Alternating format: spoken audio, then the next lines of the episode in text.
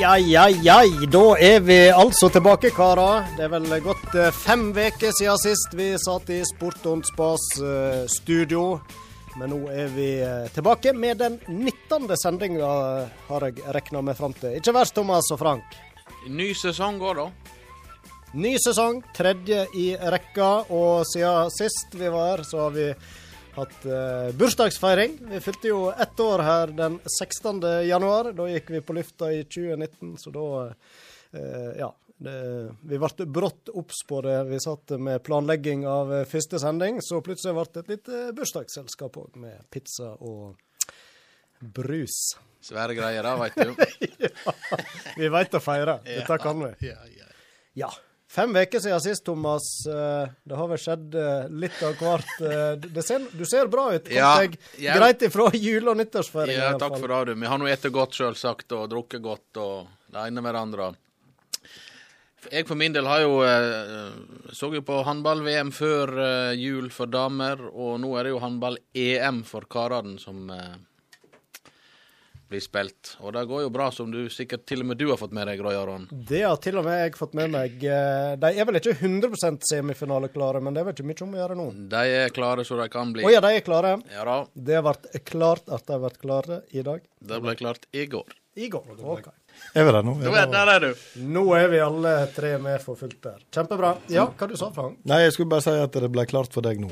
Det ble klart for meg nå, ja. Jeg trodde jeg var oppdatert, at det var liksom ikke Ja, ja. 100% men der ser du. Jeg henger ikke Ellers, Frank, er jo jeg og du særs glad for at Premier League har tatt hensyn til vår sendetid og sender Liverpool eh, Wolverhampton i morgen. Ja, det er jo sånn det skal være. Ja, Det er godt de kan tilpasse seg eh, litt det som skjer her i landet. på lokalt nivå. På lokalt nivå. Så det er vi glad for. Ellers Yes. har vi nå hatt eh, felles eh, opplevelser siden sist. Jeg tenker vi var jo alle tre på plass når eh, lokal podkaststjerne Jamel Rake kom til bygda og hadde liveshow med podkasten Fotball. Ja. Der satt jo alle vi tre Nei, fire. Ove André Årskog, teknikeren vår, var òg med der. Så hva dere syns? Jamelrak er jo på en måte vår guru. Ja, Ja, det er vårt forbilde. Vi, vi blir jo aldri, aldri like flinke som han, men, men han er jo vårt forbilde uansett. Det var jo mer som en eh, studietur for oss, dette der inn og Ja, se hvor de eh, proffene gjør det. Ja, og så eh, må jeg, må si det at han Jamel er rasende flink, altså. Han er det. Ehm, Han de- kom veldig godt ifra det. Og jeg vet ikke, har vi Ove André klar en eh, liten snutt? For at eh, jeg tok meg en liten prat med han Jamel etter, etter showet, og var nå litt sånn eh, nysgjerrig på eh, hvordan eh, det var å, å lage podkast når du er på dette nivået der. Og jeg var vel framme i å spore om et lite tips òg, men da var det en lydtekniker der også hadde et lag med å blande seg inn. Så eh, kan en dere dra kjensel på han etter hvert, men det kommer på tampen av lydklippet. Men eh, først så kan vi nå høre hva han sjøl syns om eh, kvelden på Alexandra. Det er fantastisk. Det er at alle koser seg fram til sånn ca. én time før. Da begynner kranglinga, og så er det litt sånn Nerver, Nei, jeg, tror- jeg tror det er det. Er sånn, hvis det er en liten gnist og sånn, da, fær en av oss. Så det er sånn eh, fem på ni, da, så var ikke han Bent her. Så jeg visste ikke hva han var. Så det, det, er, det er akkurat som vanlig. Ja, da, da blir du egentlig rolig. Ja, så han er sur, og så kommer han igjen, og da er han glad, da. Ja. Ja. Så er han dusjen om tre uker. Ja. De rolle oppi dette, det er mer som eh, programlederen, og dere har fordelt eh, Har det gått seg til sjøl, på en måte? Ja, det blir jo veldig naturlig eh, at det går seg til med de to som sitter i, i sofaen. Bent sier mest, og Kjetil supplerer litt, og jeg er på en måte en slags eh, ikke programleder, men en ordstyrer, vil jeg Ja. si. En som prøver å, Ja. å, å holde kontroll på det. Ja. Så til slutt, eh, Jamel, har du et godt råd til en lokal podkast? Hva er trikset for å lykkes? Et godt råd, så ikke hør på oss. Det, kan, det er det eneste rådet jeg kan gi. Jeg tror ikke vi skal gi noe råd. Jeg er jo fast lytter av denne eh, spalten og har fått lov til å være med én gang. Eh, så, så jeg tror det er bare Bare en snakker om det som jeg syns er kjekt sjøl, så bruker det å, Smitter det ut til lytterne? Ja, det gjør jo det når du Jeg meg, jeg, to, to, jeg tok han nettopp av meg. Jeg er litt usikker på hva jeg gjorde han, Kjell. La jeg han, eh, la jeg han inne, Kjell? Jeg vet, jeg vet ikke hva jeg gjorde. det. ja, det var det, På tampen der så var det selveste Kjell Henning Holko som blanda seg inn litt. Han var lydtekniker denne kvelden. Men du, Roy, hvis, hvis du er Jamel, da. Ja. Du er jo en ordstyrer her i studio, kan vi vel si eh, oss enige ifra. Definitivt. Hvem av oss to er da Bernt Hulsker og Kjetil Rekdal i dine øyne? Ja, det var jo en interessant, eh, et interessant spørsmål. Eh, Nei, jeg vet ikke, jeg. Føler meg kanskje på en måte tom Nei, vi, vi, vi, vi, jeg tror vi må konkludere. Vi, vi mangler en hulsker. Men eh, Thomas kanskje nærmest, og du er litt mer den eh, Vi kan iallfall konkludere med at vi har mindre mage enn Kjetil Rekdal begge to. Så får vi være fornøyde med det Ja, ja, ja. inntil videre. Eh, Men så var det noe interessant å høre, da. Hvor Hvordan eh, temperaturen kunne bli rett før de går på scenen. Som Jamel var inne på. De hadde et lag med å slå litt gnister, og plutselig forsvant en litt eh, småfornærma og sur, men dukka som regel alltid opp igjen rett før jeg går på. Jeg vet ikke. Mm. Det er litt sånn, litt sånn Er sånn, som Tom, Thomas med oss.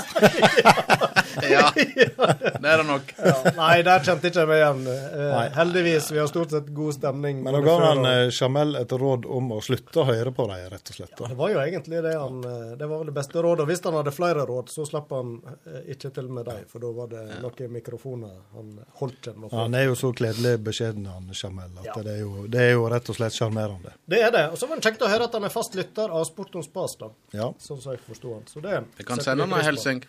Vi hilser selvfølgelig til eh, Rake og gjengen i fotball. Det var veldig morsomt å høre på dem. Jeg fikk, jeg fikk jo, kan bare nevne det, jeg fikk en snap med han eh, etter han hadde hørt intervjuet med han Olis eh, Valaker. Ja, det var forrige sending, det. Ja, da, da satt han på toalettet og sendte en snap derifra og skrytte av det intervjuet. Det syntes han var fint. Så det var veldig hyggelig. Kjempekjekt. Og så er det jo alltid artig å få snappa ifra både her og der. Da eh, tror jeg eh, vi skal bevege oss eh, litt videre, og så er det med stor glede vi kan konstatere at sponsoren vår, Bunnpris i Olden, han er med oss videre denne sesongen òg. Nå har de endelig hørt meg og mase midt om plass. I eksklusive kretser hjå radiosportons bass. Her sit eg stram og slank blant FM-bandets konger, Roy Thomas og han Frank. Kjøpmann André Oppheim og Bumpris Olden er stolt sponsor av Sport om spas i sesong to. Å ja! Jeg hører på Radio Stryne.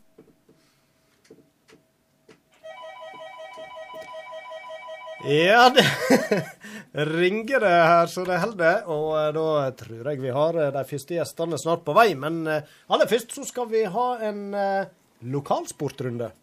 Lokalsportrunden, en runde for deg som liker lokalsport.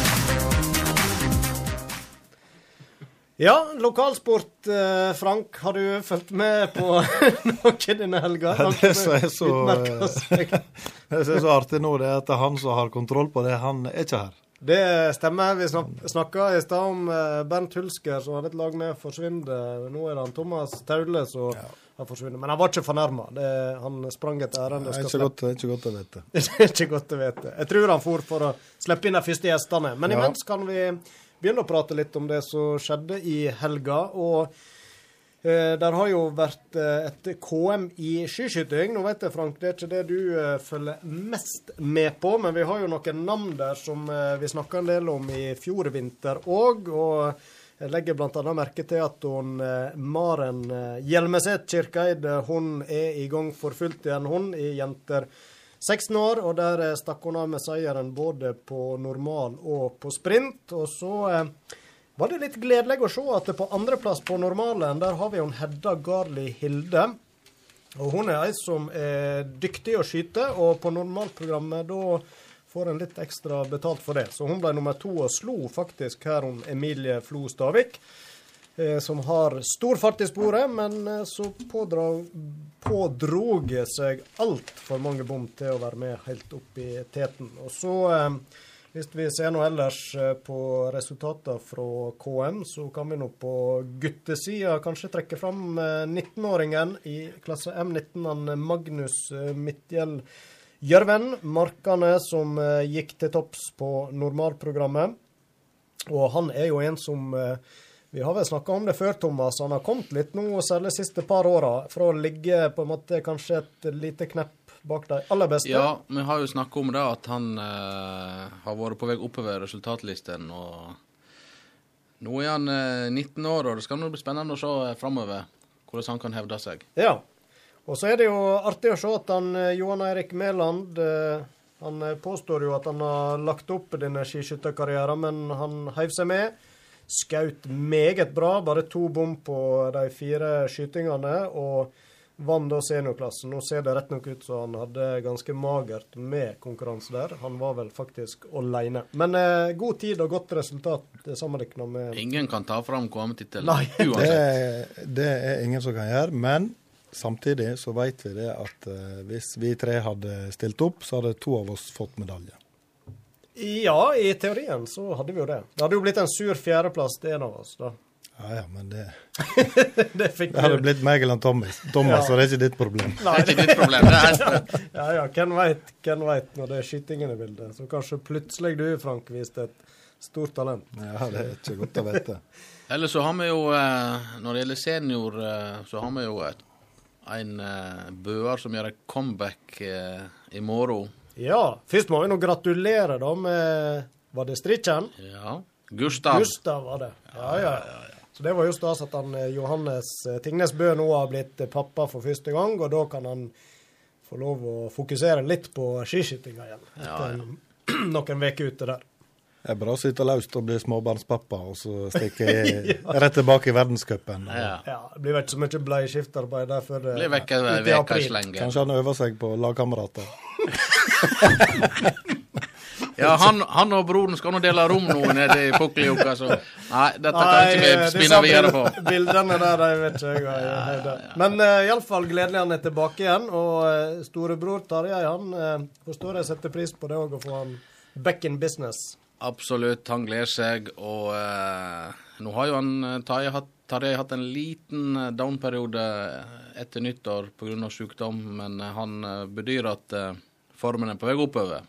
Og nå kommer han Johannes ned, og da blir det, det blir dobbel Bø i morgen. Ja. Nei, jeg vet ikke om det var om han merka presset, kombinert med selvfølgelig han hadde en del sykdom i jula, antar jeg. Men eh, han fikk ikke akkurat utnytta denne muligheten som var så mye omsnakka i forkant, eh, med å kanskje overta ledelsen i verdenscupen. Det ble litt sånn langt ned på 20-tallet plasseringsmessig. Men eh, som du sa, opptur siste løpet nå. Ja, det er jo én kar som virkelig har benytta sjansen. Eh, Monsieur Forcad.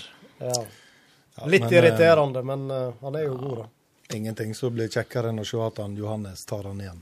Ja, ikke sant. Så vi gleder oss til helga. Nei, allerede i morgen, er ikke det? I morgen er det 20 km. Ja, så der er skytekonkurransen, som de kaller det. Der er det jo særlig de som er gode på standplass, som får eh, ekstra betalt for det.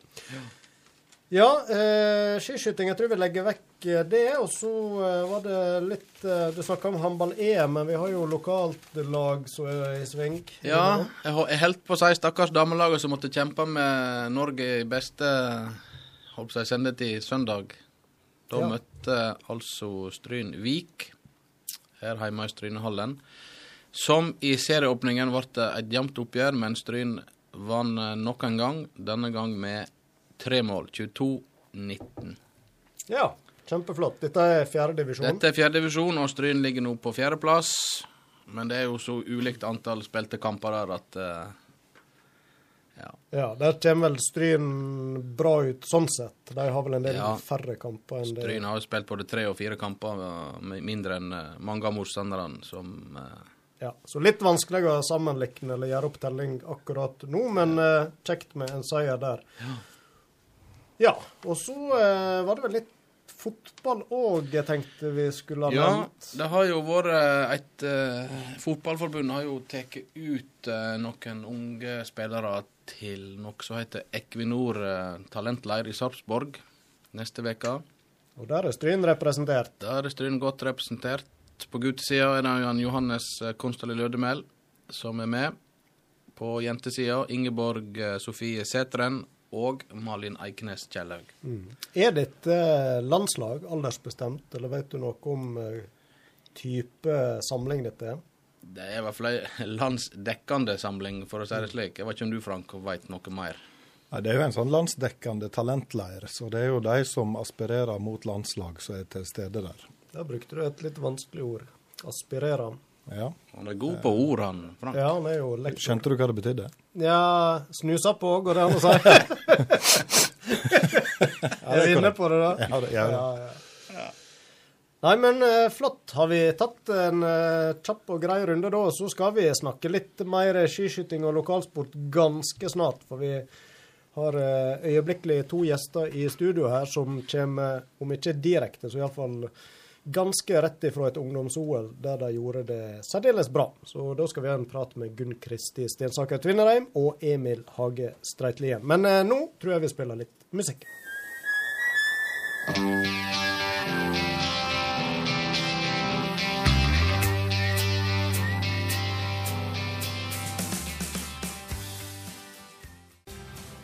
Ja, da eh, har vi plutselig fått eh, to nye i studio. Velkommen til Gunn Kristi Stensaker Tvinnereim og Emil Hage Streitlien.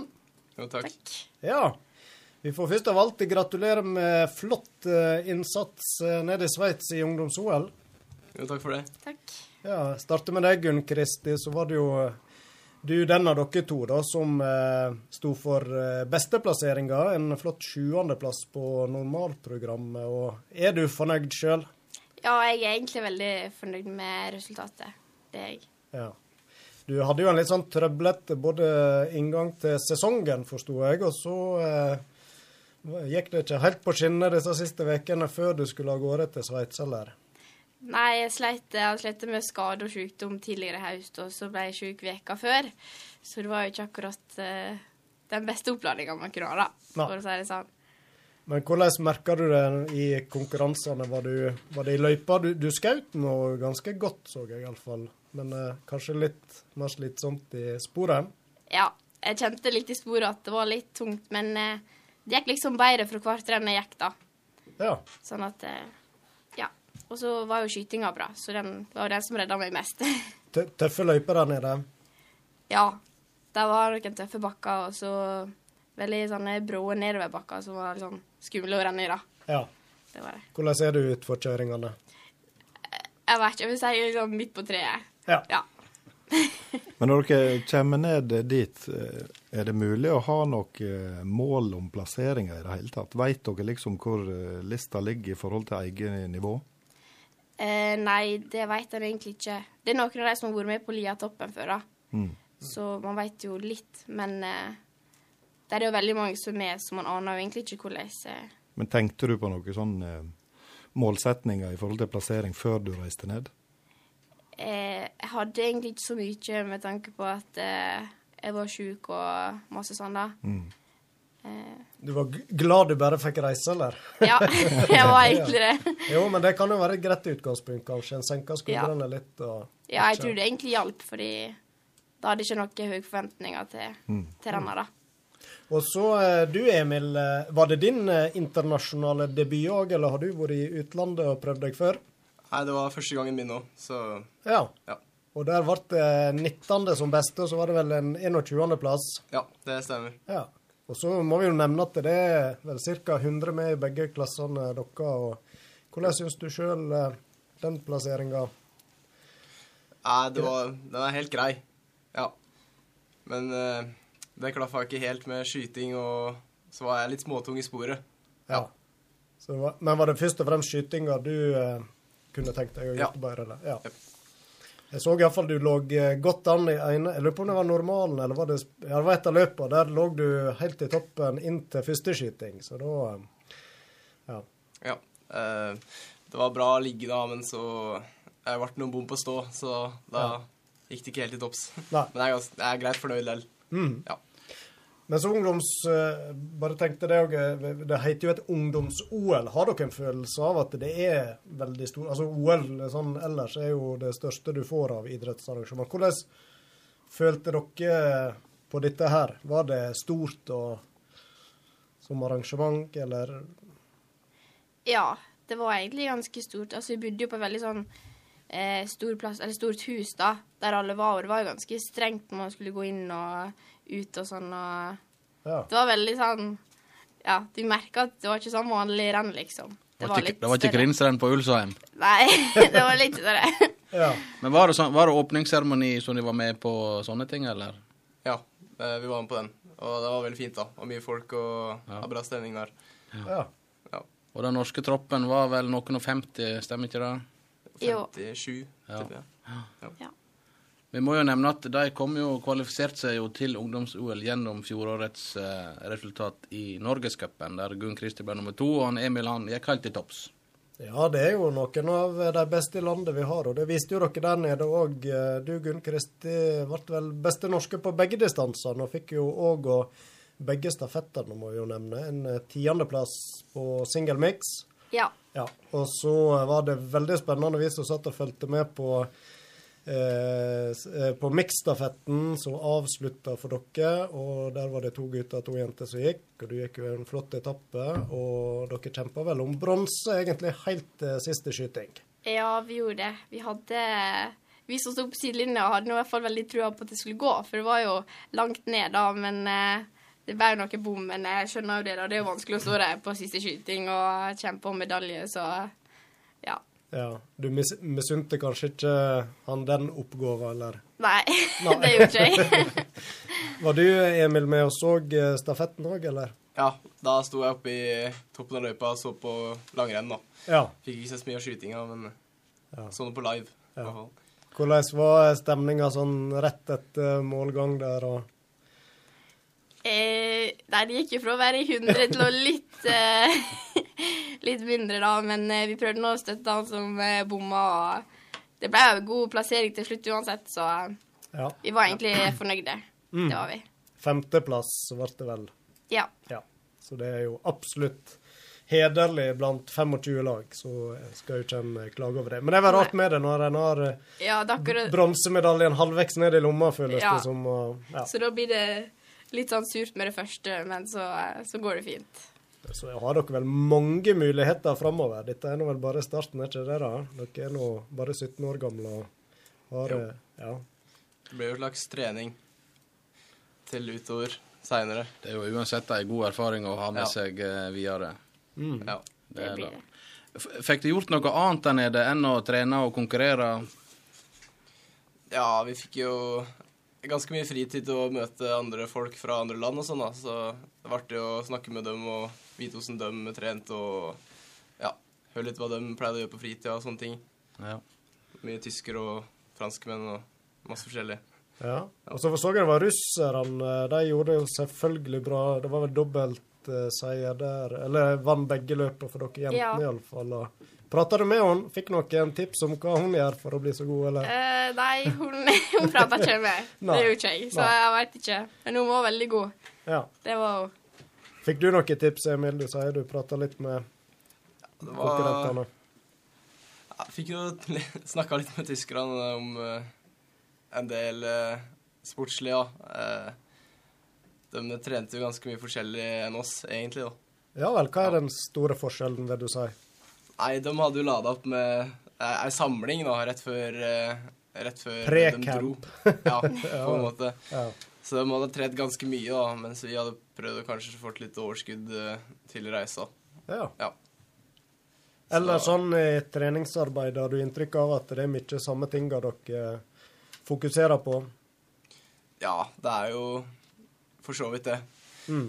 Begge to driver med skiskyting, så det Det blir jo mye av det samme. Det er ikke noe hokus pokus. Det er mye, mye trening av både skyting og langrenn, kanskje. Ja. Ja, hvor mye trener de i veka her? er- Nå går jo de på landslinja begge to, så eh, det blir jo en del timer både med langrenn og med skyting, vet du. Ja, det Ja. gjør det. Det blir noen timer. Så det, det, det er skiskyting døgnet rundt for dere nå. Ja, når en er frisk, så blir det vel på en måte det, ja. Ja. Så er det jo å kombinere med skolen samtidig, som er litt krevende òg. Ja. Du bor på hybel her i Stryn, Ja, stemmer. og det, og det trives du med? Ja, det gjør bra? jeg. Ja, det er veldig bra.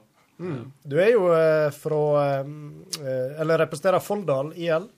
Ja. Ja. Folldal IF, ja. IF. Eh, hvor blir det litt sånn nærmere forklart for oss vestlendinger? Det blir mer øst i landet. Midt, midt i. Ja. Øst og midt i, ja. Ja. ja. Da er vi der. Innlandet fylke. Innlandet fylke heter det nå. Det er ikke råd å følge med lenger. disse. Men eh, hva du tenker da? Det er ikke aktuelt å Har du funnet så godt til rette det er aktuelt å skifte klubb og gå for Markan eller Harbag er jo representert av Gunn Kristi, eller Akkurat Du uh, føler ikke jeg så heimestrien ennå? Nei, jeg har ikke tenkt helt der ennå. Du vet, eh, du ser jo på landslaget òg at løperne er, er tru mot sin sin egen klubb, så ja. Ja. Det er viktig å det er viktig og viktig da. Ja. Så, eh, men det står jo Folldal IF slash Stryn VGS, da. Vi, vi har jo tatt deg under vingene våre så det holder. Vi eh, følger jo med på deg og tar deg litt som våre egne, da, her er, siden du går på landslinja i Stryn. Ja. Ja, det er artig, Så, ja. eh, ja, så det, vi må følge med på dere her. Og så vet ikke om dere fikk det med dere, men eh, Johannes Tingnes Bø, jeg hadde en prat med han mens dere var i ungdoms-OL, og han eh, ja, selvfølgelig fulgte han med på landslinjeelevene, sa han. Og hva dere syns om det, da, at han er interessert i det dere driver med? Verdens beste skiskytter. Ja, det er jo veldig kult da, at han eh, følger med. Veldig kjekt og motiverende. Mm. Det Han er det. han er vel sjøl juniorverdensmester, er ikke han det? Ja, det var han òg, og han vant jo ungdoms-OL eh, i Ja, OL-mester, Ja, mener jeg. han har vel vunnet junior Ja, VM da, òg, så vidt jeg vet. Ja, ja. Så han eh, Det starta jo for han der dere var, på en måte. Internasjonalt, iallfall. da. Ellers så har dere vel en eh, trener ute hos dere som har gjort det samme Han Hans Martin Gjedrem gikk jo til topps. Da må vi tilbake til 1997. Så da var vel Ja. ikke dere Nei, det er født engang. begynner å bli en. Ja. så, Har han fortalt det? Ja, ja. det har han snakka en del om. Så han ga litt tips på veien? og... Ja. Mm. Nei, men det er jo Det må jo være flott å ha sånne kapasiteter rundt seg som i støtteapparat. Trenere vet ja hva det altså, går i. trenerne er jo veldig gode på både det fysiske og skyterdelen, så vi er ganske heldige som har dem, ja. Ja. Det er vi. Og du Emil, som tross alt har flytta litt på deg. eh, Du var Norges beste i din årsklasse og valgte å flytte til Stryn. Så visste du hva du gikk til, egentlig? Sånn trenermessig og Ja, jeg fikk jo snakka mye med trenerne før jeg kom og sånn, så jeg fikk jo ganske bra inntrykk eh, av det. Sånn det så ut da. Ja. mm. Og du angrer ikke på valget? Du, Nei, jeg gjør ikke det. Nei. Eh, selv om det ikke er så mye snø her i sentrum, så er det jo ganske mye eh, bra i løypene da, Ja. akkurat nå. Så For, dere får den skitreninga dere trenger? Ja. Ja. det gjør vi. Mm. Så, Men skytetrening foregår da på Ulsheim, eller er det innendørs i en, eh, på ei skytebane? er begge deler. Begge deler, ja. Ja. Og så driver dere med litt sånn tørrtrening òg, men jeg eh, husker når jeg gikk på ski, og disse skiskytterne, så sto de gjerne inne på hyttene og på treningssamlinga og fant seg et punkt og trykte av. Er det sånn som en driver med fortsatt, eller? ja, det gjør man. Trenerne vil i hvert fall at vi skal drive masse med det, og Ja, jeg tror det Ja, det er hva får en ut av det, på en måte? For da skyter du jo ikke, egentlig. Du bare trykker av. Nei, du får eh, trent opp å holde det i stillinga, liksom klare å eh, Ja. Holde det. Ja. Ja. Stå eh, bra i stilling nå. Ja, posisjonen du ja. trener mest. Klare å holde blinken, liksom. Du finner deg et Ja. punkt, og så prøver du å holde den hele tida. Ja. Ja. Ja. Litt kjedelig trening, kanskje. Ja. Så litt Det er stusslig ut, jeg i alle fall. Men eh, er fort å glemme det, at jeg egentlig skal gjøre det om Ja. dagen nå. Ja. mm. Så får litt kjeft for det hvis jeg glemmer det. Ja. ja, jeg var inne på et litt sånn uh, trasig tema. Nå skjønner jeg var lekser dere bruker å skulke, kanskje. Ja. En, eh, Emil, jeg lurer på, har du en favorittdistanse favorittdistanse som du syns er ja, det er normaler og fellesstarter og sånn, da. Ja. Ja. uh, fordi at eh, det er vel kanskje skytinga jeg er litt mer innpå, da. Så det er ganske greit i sporet til tider, og så kan det gå litt opp og ned, da. Også, men uh, skytinga pleier egentlig å være ganske bra. Mm. Pleier å holde meg ganske kald. Det er viktig å holde seg kald i huet, da. Ja. Er det stående eller er det liggende som er Har du en Nei, det er det. Det er en kombinasjon, da. For det er jo 50-50 hvert renn. Sånn. Ja. Så Og du Ja. da, Gunn, har du noen favorittøvelse, distanse? Eh, før så var det sprint, men nå har jeg begynt å like mer normal. Men det er sikkert fordi jeg begynte å bli litt mer på skytinga enn hva jeg var før, da. Men det morsomste er jo å gå fellesstart, da. Det er det som er kjekkest å gå. Jaktstart, går ikke det? Jo, det er faktisk i helga. Da er det jaktstart. Okay. Men det er ikke oftere, liksom. En gang i året, Ja, kanskje. sjeldent. Ja. Ja. ja, for dere forteller dere skal videre nå i morgen. Da er det til Drangedal på Norgescup. Ja. Ja. Og der eh, ligger dere godt an. Du, Emil, eh, skal vel ut i gule trøya du da på fredag eller lørdag? Lørdag der. Ja, det blir lørdag. Ja, Første. du Så det blir artig. Får prøve å holde den nå. Ja. Ja. Hva er det er jaktstart, så er sprint pluss jaktstart dere skal gjennom. Ja, stemmer. Mm. Det blir min første jaktstart, da. Ja. Det er noen ganger godt. Ja, Så det, det blir kult å prøve ut det. Ja. Og du Gunn Kristi, du eh, ligger litt lenger bak fordi du har måttet stå over eh, konkurranser pga. sykdom, men eh, Ja. er offensiv, regner jeg med. Jeg får prøve å gjøre mitt beste, og så får det gå som det går, Ja. Ja. egentlig. Hvor du ligger i cupen nå, da? Før eh, helga? Eh, nei, jeg har vel null poeng, da, så Oi, du har ikke fått gått Norgescup ennå? Nei, for jeg har bare vært ett én norgescup Ja, det var mønstringsrenn dere var på, det talte ikke i Norgescupen? Ja. Nei, OK. Mm. Nei, men da eh, kan det bare gå én vei. ja, det er sant. Begynner poengsankinga nå i helga. Ja. Ja. Veit du hvor mange reisedøgn de har på et år? Det er jo ganske mange renn de er med på. Kommer, det- Er det hver helg det vekker nesten? I vinterhalvåret? Eh, Ja, nesten. Nesten hver helg. I hvert fall men det er ofte lokal, da. Ja. Altså når det er lokalrenn, så reiser jo ikke så masse. Nei. Nei. Hvem er det som smører skia deres? Har de folk som gjør det, eller er det familiemedlemmer som Ja, Må det stille pleier å det være eh, far min som smører mine nå. Ja. Han har hatt en del ja, Han har ganske bra kunnskap om skismøring, så jeg, jeg satser på han hver, hver, hver helg. Men han kommer vel ikke hit og smører på de mer lokale rennene? Da må vel kanskje du sjøl trå til, eller? Ja, da, jeg har bare gått ett lokalt renn her, ja. så da sendte jeg dem til Torstein Breivik. Ja. Ja. Det er godt vi har folk å spille på. Og du Gunn Kristi, du har nå vel iallfall en pappa og slektninger som ellers kan mye om eh, skibehandling og smøring og hva jeg tru. Du- Ja. Nei, det er pappa som smører her noe lokalt, og så har vi noe Furtime-opplegg på sånne eh, norgescup og sånn, da. Så Ja. det er de som smører dem. Men hvis disse her fedrene smører dere helt vekk, hvordan er stemninga da? Jeg bruker ikke være så veldig hard. Jeg sier kanskje at det var litt dårlig ski, men eh, Litt forsiktig, ja, egentlig. men det går greit? Ja, Ja. det går jo Skal egentlig alltid være fornøyd når noen har lyst til å smøre skia sine, så det Ja, Ja. ikke er nok en hard jobb å stå der og smøre ski hele dagen. Ja. Ja, men da satser vi iallfall på gode ski eh, nå i helga, og masse lykke til på Norgescupen. Så skal nå vi følge med videre og heie på dere. Så eh, masse lykke til fra oss i Sport und Spas, iallfall. Tusen takk. Takk for det. Takk for besøket. Nei, altså, sport og spas det er jo å gå for teorien i praksis, ikke sant? Altså, du har de beste folkene på de beste plassene. Ja, han Roy Aron kom i skade for å eh, halvveis introdusere Davy Vatne, men eh, det er vel han Ulrik vi har med oss nå, er ikke det det? Det stemmer, det stemmer. Ja. Eh, nå har jo eh, godeste Ulrik Flo eh, lagt opp som fotballspiller i en alder av eh, 31. Du blir jo 32 i år. Ja, det er korrekt. Hva var det som gjorde at du eh, valgte å eh, legge skoene på hylla nå? Nei, Jeg hadde jo lyst til å fortsette i Sogndal, i og med at jeg, jeg er nå bosatt her og har familie og hus og alt er godt etablert. Og jeg hadde vel egentlig lyst til å spille mer fotball, men det lot ikke seg gjøre. Mm, Så, så det enkleste var å, å legge skoene på hylla hvis jeg ville ha det sånn som, som jeg har det. som sagt. Hadde det klart at det hadde kommet en, en større klubb, klubb som kunne, kunne finansiert alt dette her, så, så hadde jeg nok eh, prøvd noe nytt. Men eh, ja, det har vært begrensa med spilletid i det siste, så, så det var litt sannsynlig at det skulle dukke opp noe. Så da, da hoppa jeg heller rett i jobb, for den tida kommer nå før eller siden uansett.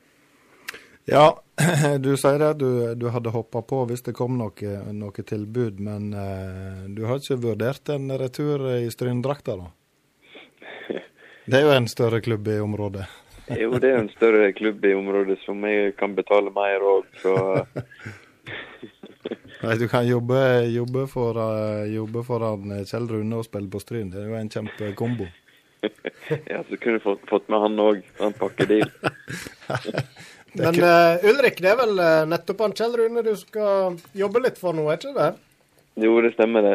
det Eller, blir, uh... eller det er vel ikke helt rett, for nå er det vel han, uh, han bror Mats som har tatt over skuta, kanskje, i Flo brannsikring, som er sikta til. Ja, det, det er det. Han uh, Mats sitter inne med, med mye kompetanse og, eh, og er rett og slett uh, overutdanna, kan du si. da. Men uh, min far sitter jo med all uh, praksis uh, som eh, veldig få andre har, så han, han kan jo veldig mye, han òg. Så nei, det, det er et veldig eh, veldig omfattende firma begynt å bli. Så nå når jeg kommer inn, så er det nå i hvert fall begynt å bli bra. ja, da får vi siste brikka på plass. Men eh, skikkelig familieforetak, hvordan tenker du å skulle gå inn i det? det er vel, du har vel ikke jobba for dem før, så vidt jeg vet? Eh, nei, bare her og der. Litt dugnadsarbeid og, og bare kanskje hente ut noen småkroner en gang i tida. Men eh, har ikke, ikke jobba på den måten her med dem før, nei. Så nei, det ser jeg fram til. Det er jo kjekt å jobbe med familie, og jeg sklir kanskje litt lettere inn i den jobben her. Og blir eh, tatt litt mer hand om, kan du si, enn kanskje i en annen jobb. Men nå, eh, Ulrik, så eh, har vel Jeg regner med at Sogndal har starta opp igjen med treninger og litt sånt. Er det litt merkelig å ikke være en del av det? Eh, Nå skal nå jeg ha kontor på, på campus, så jeg kommer til å se dem en god del allikevel. Um, jeg var faktisk inne, inne i dag og åt uh, frokost med dem og, og sa takk for meg. Ja. Så um, jeg kjenner ikke på noe sånn uh, altså, At det var så veldig vemodig. For jeg vet jo det at jeg kommer til å omgås dem ganske mye og prate med dem allikevel. Det er jo den garderobekulturen som jeg kommer til å sakne. da. Og så jeg regner med at når jeg begynner å spille kamper og ting begynner å bety noe, at det kommer til å krible litt i beina igjen. Ja. Men, men eh, hvis jeg tolker deg rett, så er jo dette litt sånn Ja, det er vel kanskje feil å si halvveis uh, ufrivillig, men det er jo ikke sånn Du var, høres ut som du var klar til å fortsette egentlig, da. Hvis du hadde fått ja. rette tilbudet.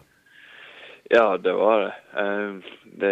Tingen var jo at det kom ikke noe tilbud. Jeg var egentlig eh, bestemt på å avslutte samarbeidet. Så det var litt trist. Jeg fikk jo bare positive tilbakemeldinger og, og bare gode ord. Så det var litt sånn eh, vanskelig å, å forstå hele settingen, kan du si.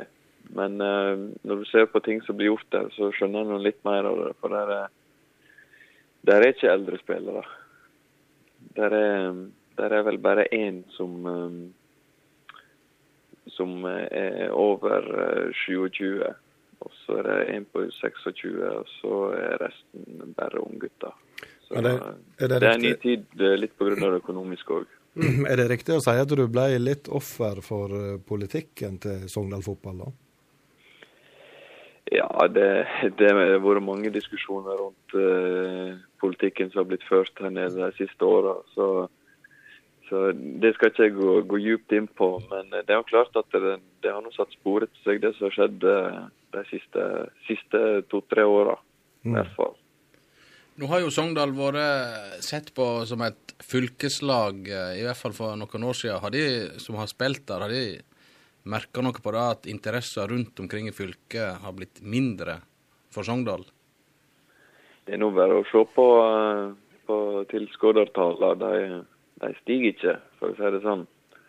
Nei. Men dette, dette er jo en, eh, en kombinasjon av eh, resultat og måten en spiller fotball på, og hva slags jobb for å, for å bygge engasjement og, og den biten der. Så det er en, det er en, det er en sammensatt uh, greie. Men uh, det er klart at det, det er ikke like mange fra fylket som eh, det en gang var. Så um, det har vel litt å si det òg, tipper jeg. ja. Men eh, Ulrik, ingen kan ta fra deg at du har hatt en lang og flott eh, fotballkarriere. Hvis du skal nå eh, vurdere den litt sjøl, eh, er du fornøyd med hva du har fått ut av den i disse åra? Eh, ja, når jeg ser tilbake på det Jeg har nå mimra litt nå. Nå, nå har jeg hatt masse tid til å gjøre det. Så det, det ja, nå sitter du bare på kontoret, så nå er tid til slekt. Nei, det er mange merkverdige øyeblikk, både positive og negative. og Det har jo vært en form for opplevelse, begge, begge deler. Men uh, en ser nå tilbake til når en er litt eh, eldre og litt mer rutinert, at uh, hvorfor gjorde ikke det når jeg var litt yngre, og hvorfor var ikke jeg mer eh, disiplinert på det? og ja, Det er så mye lettere å se feilene i ettertid. så det er nå noen prioriteringer jeg har gjort opp gjennom som, eh, som jeg skulle ønske jeg gjort, eh, gjorde annerledes for å kanskje kunne nå enda lenger. Ja, hva ville du gjort annerledes når du skal være litt etterpåklok? Nei, det, det er jo mange detaljer som gjør at det blir bedre, så det går jo på å trene mer, trene rett, ete riktig, eh, søvn og prate, analysere ting. og Det er et vanvittig bredt eh, spekter, og fotballen er jo begynner å bli mer og mer profesjonell og mer og mer uh, utdypende, kan du si, i forhold til hva den en gang var. Så det, Du skal jo selvsagt spille det kjekt, men uh, det ligger, ligger mye til lags for å kunne nå veldig langt, som jeg hadde en ambisjon om å gjøre. og jeg tror ikke jeg Først, når jeg først kom til Sogndal, så hadde jeg vel speila meg at turen skulle gå lenger eh, enn en dit han gjorde. Ja, Du kom jo til eh, Sogndal i 2007, og så var du eh, Det er jo selvfølgelig der du har eh, brukt mest tid, da, men du var òg innom Odd, Silkeborg og Fredrikstad før du avslutta i Sogndal i fjor igjen. Em, hva, hva er det på en måte du tar med deg som, som høydepunkt her gjennom, uh, gjennom disse her tolv åra i toppfotballen? Noe riktig må jo, må jo du ha gjort? Ja, nei, vi var jo i en litt lignende situasjon i, etter 2009-sesongen. Da, da var det mange spillere ut, og gjerne er de mest erfarne og rutinerte og best betalte spillerne som røk for at du skulle få orden i økonomien. Um, men da hadde jo du eh, meg og Even Hovland og Per Egil og Mats og mange unge lovende som, som hadde noen år på baken, som var egentlig klare for å, for å bli etablerte i startelveren på Sogndal. Og selv om det var spådd en sesong der vi kom til å havne midt på tabellen, så, så rykka vi nå opp. Mm. Så den eh, påfølgende sesongen i 2010, den eh, Da var det jo en seks-sju år siden Sogndal hadde vært i Eliteserien forrige gang. Og da, og da var det jo bare nesten fylkesspillere i startelveren òg. Så eh, da, da, da betydde det i hvert fall ekstremt mye for bygda. Mm. Og, og det fikk vi ta og føle litt på. Og det ble en eh, heidundrende fest når vi slo Fredrikstad tre runder før slutt og sikra opprykket da. Ja. Og så var du vel eh, Var det Odd du var med til, til Dortmund? Det stemmer. Det må Ja. da ha vært litt uh, moro. Løye. Ja, det skjedde jo så fort òg, så jeg, eh, jeg gikk ifra å spille eh, mot Ranheim oppe i Trondheim foran 50 tilskuere til Signal i Dunapark med 65 000. Det er jo en, eh, en viss kontrast, det. Ja, det gang, ganger antall med tilskuddere et par ganger der. ja. Ja. Nei, du har jo fått, uh, fått opplevd mye, Ulrik. Og, Um, og du skal nå vite det at eh, hvis du eh, som sagt da har lyst til å dra på deg strynedrakta, så tror ikke jeg at Øystein Hesjedal som er trener nå, eh, kommer til å nekte på det. Nei, jeg, eh, jeg eh, har fått flere som lurer på om det hadde blitt en, eh, et comeback i Stryne-drakta. Men jeg skal ikke utelukke det, men det blir i hvert fall ikke med det første.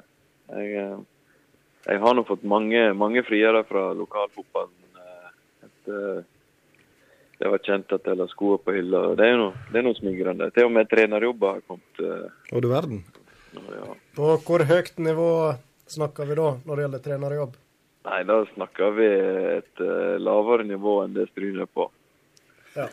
Det frister ikke ennå, kanskje? Eller? Nei, det Nei, nå, nå, nå har jeg fokus på, på den jobben jeg skal, skal inn i. Og så eh, har jeg en, anke, en ankel som er litt, uh, litt uggen ennå. Når, når de tingene kommer på plass, så, så, så skal nå jeg uh, kanskje finne meg en klubb igjen. Hvordan blir det å jobbe nå? Du er vel sikkert allerede i gang, men, eh, men det er vel mye nytt for deg nå? Ja, det, er jo en, eh, en jobb som eh, krever mye opplæring, og der er lite du kan studere deg fram til. Det er jo selvsagt litt du kan lese på, men det er jo først og fremst praktisk læring som, som gjelder. Og det er ikke det helt optimale at at jeg bor i, i Sogndal når jeg skal ha den opplæringa. Men eh, når den er innabords, da, så er jo det veldig gunstig at jeg bor i Sogndal. For da kan jeg utføre arbeid som skal gjøres her nede, og slippe å reise ifra, ifra Stryn. da. Så mm, det er jo klart at det utvider grensene til, til flodbrannsikring. Og, og hvem veit, det, det er jo så å si starta ei avdeling her nede nå. Mm. Så vi får se hvor det, hvor det bærer hen. Mm. Er det en far som står for opplæringa, da, eller? Ja, det blir nå en, en, en delt greie på, på firmaet. eh, med, og med de ansatte, alt etter hva som hvor jeg passer inn hen nå og da. Så eh, litt reising blir det i starten, og så eh, kommer jeg til å hoppe på de som, eh, som har oppdrag i, i, i her og området og omheng, kan du si. Mm. Er det rett fra treningsklær til dress og slips, eller eh, er ikke overgangen så brutal? Nei, her skal jeg vel innom eh, arbeidsklær og litt eh, finere klær. og Slippers, selger. Slippers må vi innom og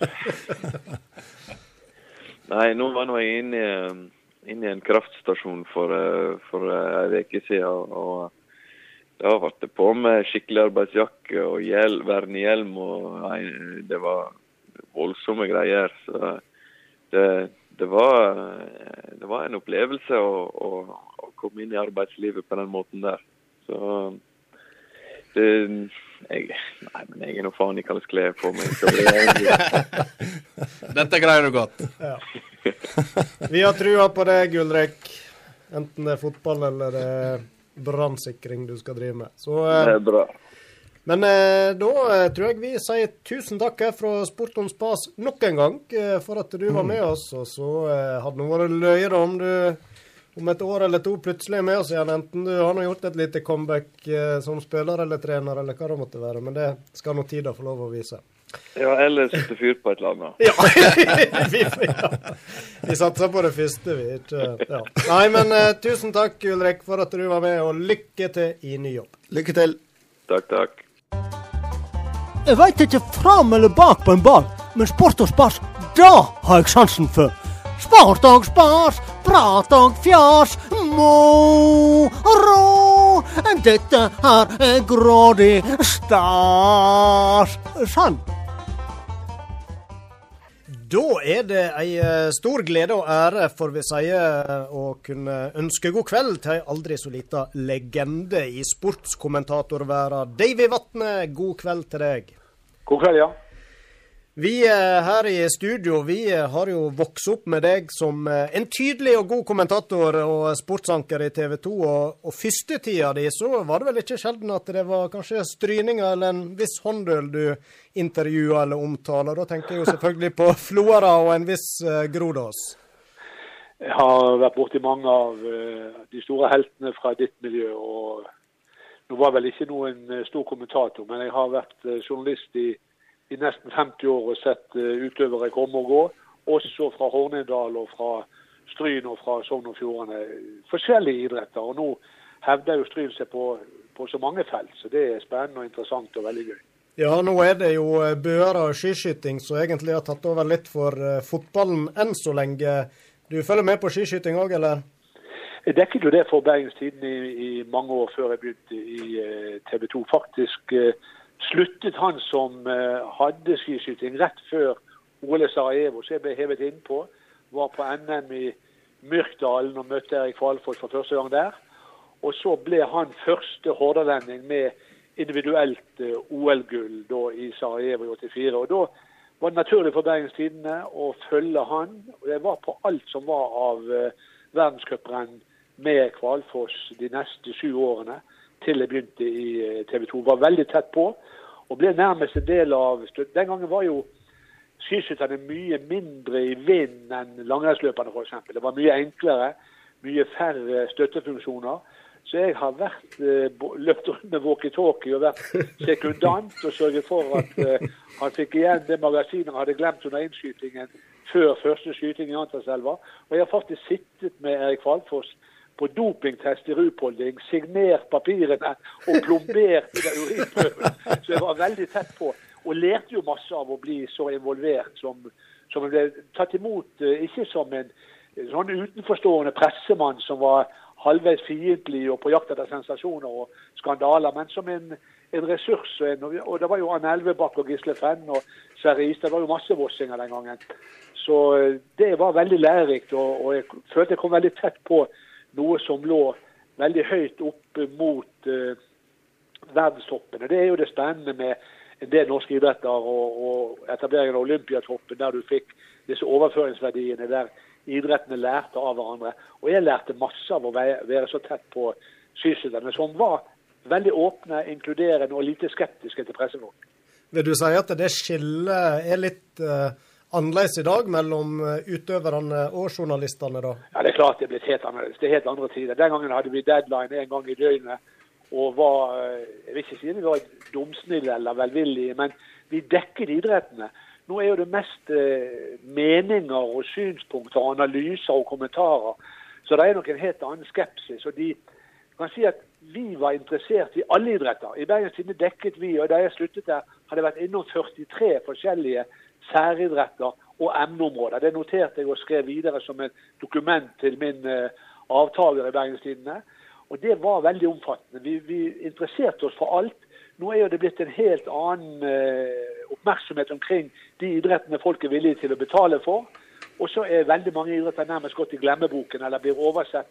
Og en registrerer knapt at det drives med annen idrett enn eh, fotball og, og langrenn og skiskyting og, og, håndball for kvinner og menn. Så, så pengene og etableringen av kommersiell TV har jo skapt en helt annen oppmerksomhet omkring rettigheter og det folk er villige til å betale for, kontra det som vi viste oppmerksomhet fordi vi syntes det var fortjenstfullt.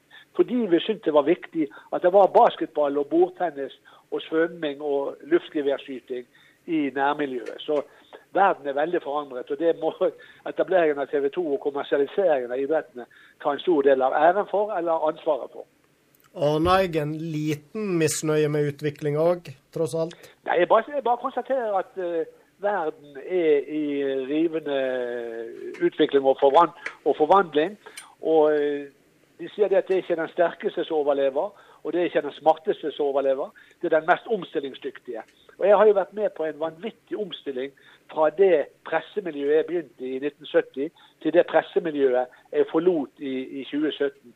Den uh, redaksjonen jeg forlot i, i TV 2, lignet ikke den lignet ikke engang på redaksjonen 20 år tidligere i samme hus.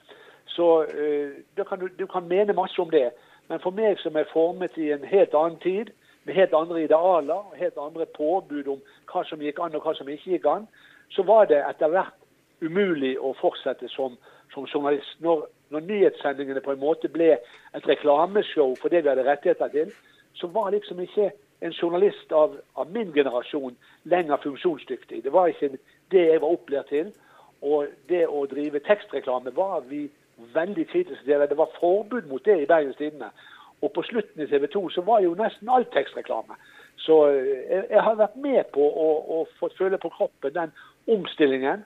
Og så kan du si at eh, en burde kanskje skjønt tidligere enn en gjorde at uh, eh, det var vanskelig å stå for det som ble innholdet i jobben de siste årene. Så, men det, det er jo sånn alt endrer seg. Alt eh, snus på hodet, og pendelen slår fra side til side. Og kanskje kommer vi tilbake igjen og nærmer oss det aktverdige og, og respektable med fokus på det som er viktig og, og byggende og betyr noe i samfunnet, og ikke bare det som er sensasjonelt eller skandaløst eller sjokk eller skrekk eller seksualisert, som genererer klikk og som finansierer media på en annen måte enn den gangen folk abonnerte på Bergens Tidende og fikk avisen på døren enn de likte førstesiden eller ei. Mm. Hvis vi eh, flytter oss litt tilbake igjen til Stryn, der vi eh, holder hus, eh, og du mimrer litt tilbake, dette blir jo 90-tallet da. Er det noen høydepunkt med stryninga og håndøl som er involvert, som du vil trekke fram? Ja, altså, eh, det kan du si. Stryn var jo et sted jeg bare hørte om. Helt Jeg kjørte innom der i 1997 på vei til eh, Jeg var på Finnsnes i fest og, og var eh, kommentator på en sånn turnering som, eh, med, med unger som spilte fotball i Finnsnes i Troms. Og Da overnattet vi i Stryn, og jeg skjønte hvorfor det het Fagerstryn, men jeg hadde jo ikke noe forhold til det. Jeg hadde bare møtt eh, Jostein og Tor André og, og Kjell Rune og disse her eh, første av disse her. Så hadde du jo Eivind Karlsbakk og, og Asbjørn Henn. Det var jo noen her som kom til Brann. sånn. Jeg visste at Brann hadde vært på treningsleir i Stryn. Men Fagre Stryn var bare et bilde for meg. Så overnattet vi på hotellet nede ved fjorden der, og jeg fikk bekreftet at det var Fager. Og så har jeg vært der et par ganger nå senere som, som eh, ikke deltaker, men jeg har sett på den proffveka i, i første uken i august, og sett hvordan dere samler talentfulle, ambisiøse ungdommer, både jenter og gutter, fra fylket der og også lengre vekke fra. Og Det er spennende og interessant. Så, så Det overrasker meg at det er ressurser til det. Det overrasker meg at den kompetansen eh, eksisterer og på et så lite sted. Når jeg ser hvor lite en får til i en eh, storby som Bergen, og hvor lite en produserer. Det er jo det store dilemmaet, det store eh, paradokset for meg. da, At det er kommet flere landslagsspillere fra familien Flo enn det er kommet eh, fra Hordaland og, og, og Bergen i løpet av disse årene jeg har holdt på. Når du tenker på en gullklokkemann som Erling Karlsen, som er født i 1948, og så Erik Huseklepp, som er født i 1984. De to har liksom tatt Norge med storm og blitt stabile landslagsspillere. Ellers ingen. Og det er en by med 265 000 innbyggere.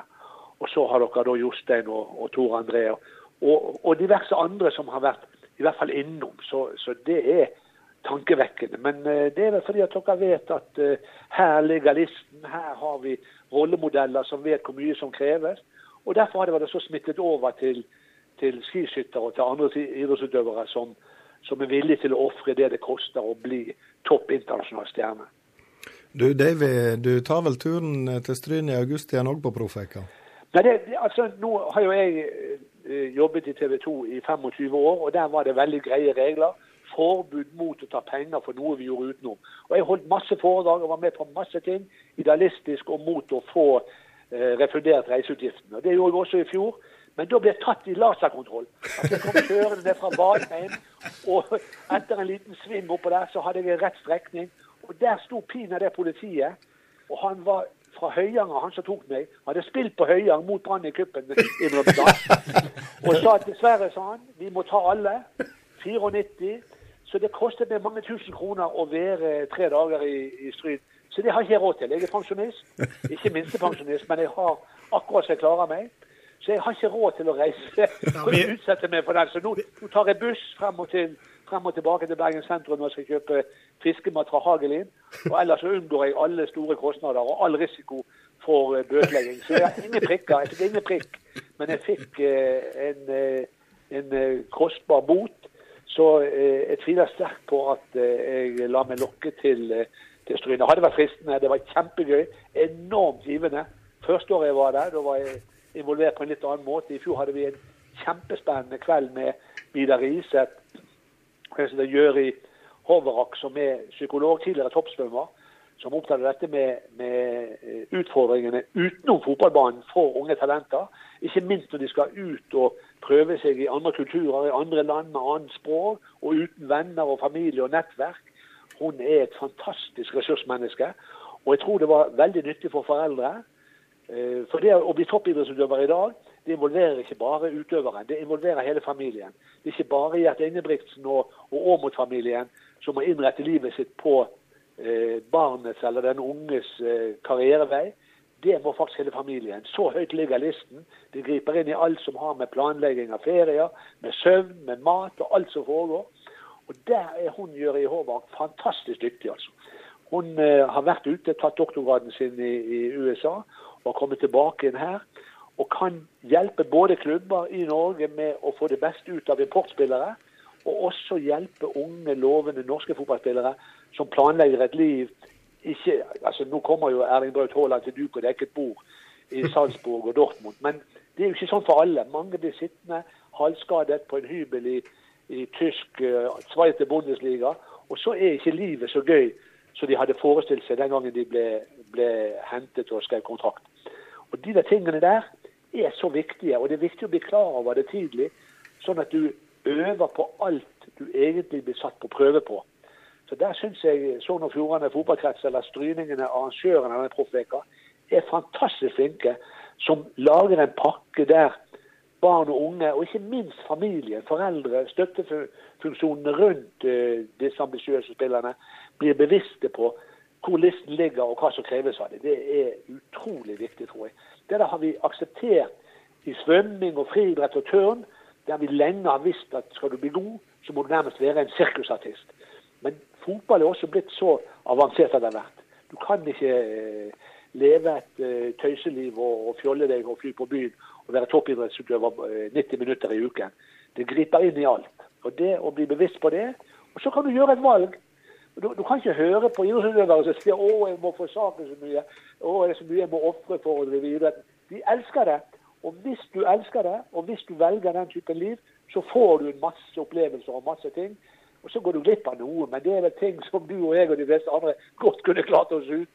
Det vi på en måte brukte tiden på fordi vi ikke ble toppidrettsutøvere. Eller dere kan ta det igjen når karrieren er over. Det kan de også. Da får det litt travelt, men Men jeg må spørre, spørre deg, ved 50 år som eh, sportsjournalist, eh, er det et eh, høydepunkt du vil trekke fram, uavhengig av stryning av håndølet? Ja, altså, Det er helt utrolig, helt uvirkelig når jeg ser tilbake på Jeg har møtt Pelé og Maradona og Oi, oi, oi, Carl Lewis. Vi kunne snakke med Carl Lewis borte i, i Seoul. Da hadde jeg vunnet lengde i over en time. For han syntes det var så rart. For jeg hadde jo amerikansk akkreditering, og så snakket jeg så rart.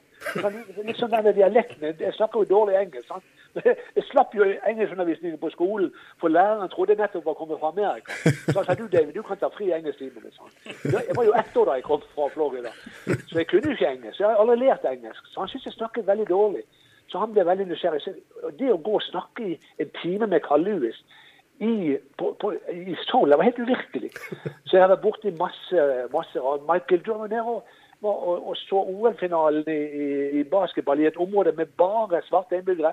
Jeg fikk beskjed du må aldri kjøre inn der til Inglewood. Det er livsfarlig. Du må i hvert fall ikke, ikke se til siden hvis du får rødt lys. Du må bare kjøre på. Vi har aldri sett en hvit mann der inne. Så gikk jeg tom for bensin og måtte fylle bensin. Da kom jeg inn, og så, så sto der en haug med svarte og sier hva gjør du her? Jeg skal fylle bensin. Ja, hva, hvor jeg fra? Nei, jeg er fra Norge. Ja, de skjønte det. det you're weird, man. You're weird. De hadde aldri sett en hvit mann før.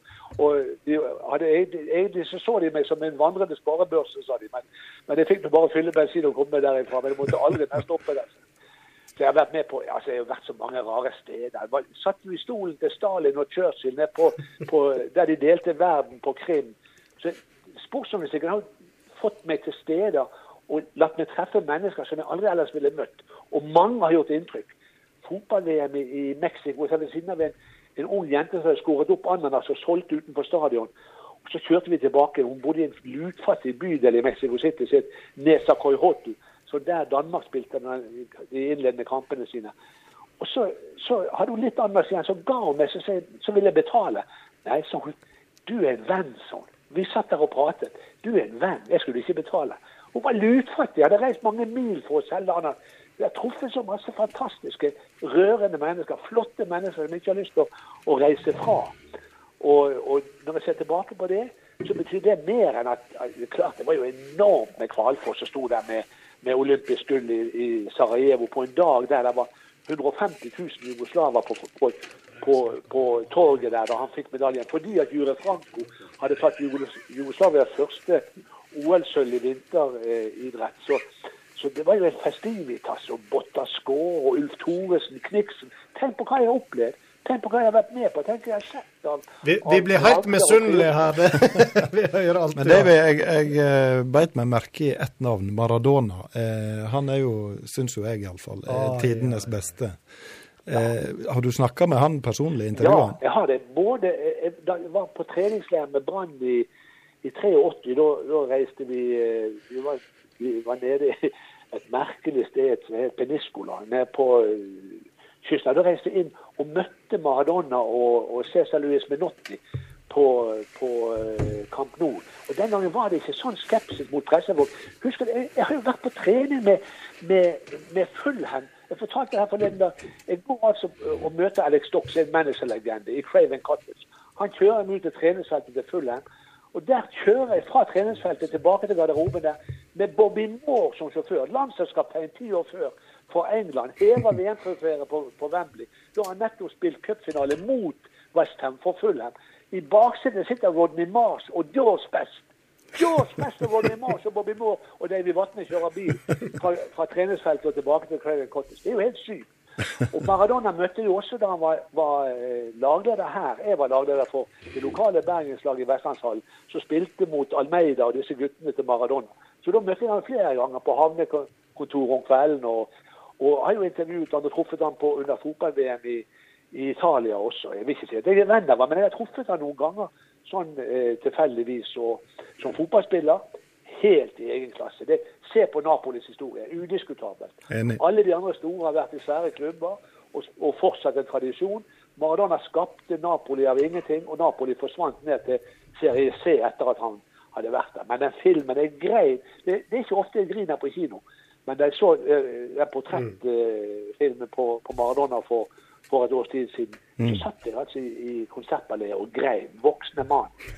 Og det er en fryktelig historie. altså. Det er så trist. Vil du si eh, Napoli ødela han som det er de å takke at det gikk som det gikk? Ja, ja, det vet du ikke. Det er helt umulig å si. Altså, vi, vi kan jo godt trekke fra hvis du, hvis du tar vekk noen sider ved mennesker, så kanskje forsvinner det andre også. Hvis du hadde forlangt at myggen skulle spise kålrabi opp klokken halv ni, så hadde kanskje ikke myggen vært myggen heller.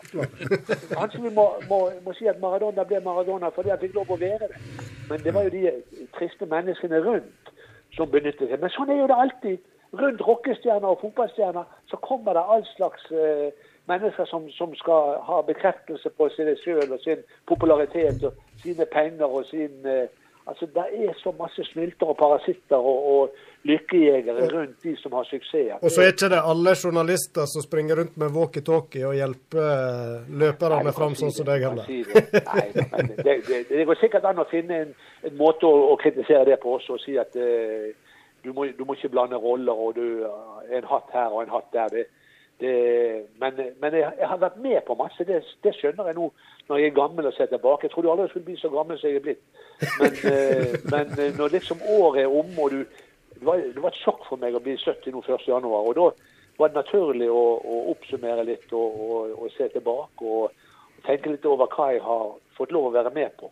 Og hvor, hvor heldig jeg har vært som har fått, fått være frisk og, og ha helse og liksom oppleve disse tingene. Jeg har jo hatt kamerater og kollegaer som har dødd på jobb, altså. I 50-årene. Altså, som sikkert levde sunnere og, og bedre enn meg. Så, så eh, Nei, jeg, jeg, har, jeg har vært med på mye utover proffveka i Stryn. Si. Altså. Men du, eh, Davy, apropos Stryn her nå. eh, Dommer på Stryn stadion, har du vært det? Nei, jeg har ikke det. Jeg, jeg har vært mange steder og, og, og dømt. og jeg, var i Ulsteinvik nå før jul på en sånn, eh, sånn eh, pub med fotball. Da spilte både Liverpool og United masse supportere. Da hadde vi en quiz, og da hadde jeg noen sånne spørsmål om hvor jeg har dømt. Så, og skulle ha folk til å, å prøve å lure dem på hvor jeg ikke hadde vært og vært. Men jeg har dømt både i, i, på Forsøgan og Ulsteinvik og Stavanger stadion. og Jeg har til og med vært dommer på Lerkendal, men ikke for Rosenborg, men for Liverpool Legends. Så, så jeg har vært mange steder. Men ikke, jeg, jeg har faktisk ikke, ikke vært uh, og sett uh, Stryn spille hjemmekamp. Jeg har ikke, ikke vært uh, så heldig å få oppleve det. Og det er ikke for Jeg husker veldig godt første gangen jeg så Tor André Flo. Det var på bane 1 i Haukelandshall, der jeg i kveld har vært og sett på Tertnes og Whitebass. Jeg husker jeg tenkte han var veldig teknisk god og veldig slepen med ballen på små flater til å være så høy. Det, det var min første reaksjon. Mm. Han, han har et eller annet med seg, for han var så god å skjerme ballen på veldig små flater, til tross for at han var så, han var så høy. Det, det snakket jeg med ham om for ikke så lenge siden. Det første inntrykket jeg hadde av han, og tenkte han der kommer til å, å nå langt. Han der har noe med seg. Ja, du fikk jo rett til det, men jeg har jo sjøl hatt ære av å ha deg som dommer på veterancupen i Lærdal. Og nå skal vi nedover der eh, til helga. Skal du samme vei, eller?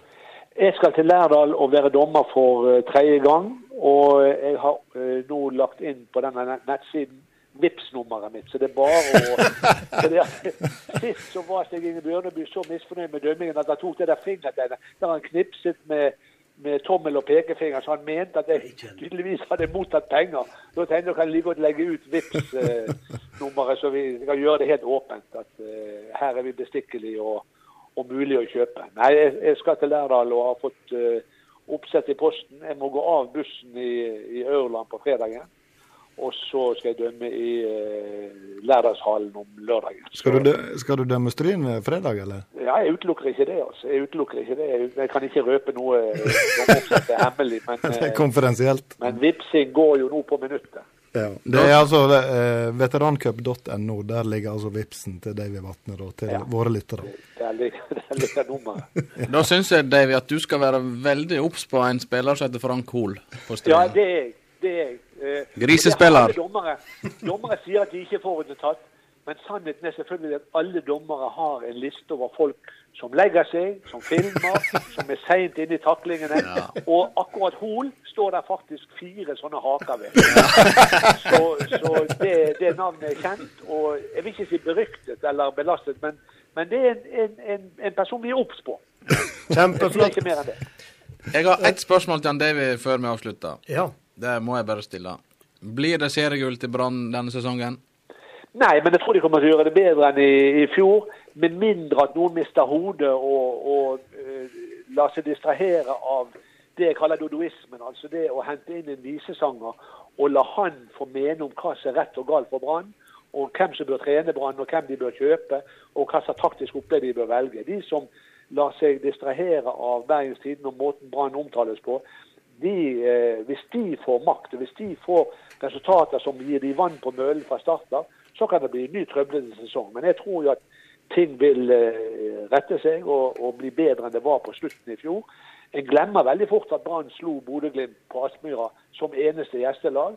At de tok poeng i Molde og Rosenborg. For alt ble liksom så negativt. Det var en surmuling fordi at det ikke fungerte på hjemmebane. Det var et dårlig komponert eh, kollektiv. Dårlige holdninger, dårlige relasjoner mellom spillere. Og skader på nøkkelspillere. Folk glemmer at Fredrik Haugen aldri var kampfit i hele 2019. Og han er en av de viktigste og mest kreative spillerne Brann har. Det var mange årsaker til at det ble sånn som det ble i 2019. Men denne surmulingen og gnålet på at Lars Arne må gå, og alt er så kjedelig, alt er så defensivt, og alt er så hendelsesfattig, det er jo med på å gjøre det vanskeligere å lykkes. Spillerne blir krampaktige og forknytte av å bli møtt av den massive negativiteten både fra publikum og lokalpresse på stadion. Og det, jeg synes det er rart at vi ikke tar det med i helhetsvurderingen. Så Det er med på ramme, å skape rammebetingelsene. Og det er flere enn vet om Berisha kommer til å ønske seg vekk fra, fra Brann og Bergen hvis dette gnålet fortsetter. Da, Davy, sier vi tusen takk for at du var med og så mimra litt fra disse 50 imponerende åra med sportsjournalistikk. Og så ønsker vi både Frank Hoel i studio her, og ikke minst deg lykke til i Lærdal i helga. Og eh, ikke vær redd for å bruke korta, Davy. Begge tatt frem og vasket og pusset. Det høres betryggende ut. Tusen takk til Davy Vatne. Ha det. som var Ha det bra. med i Sport og spas.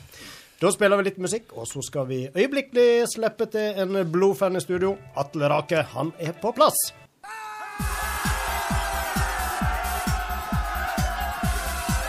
Vi presenterer kveldens blodfan.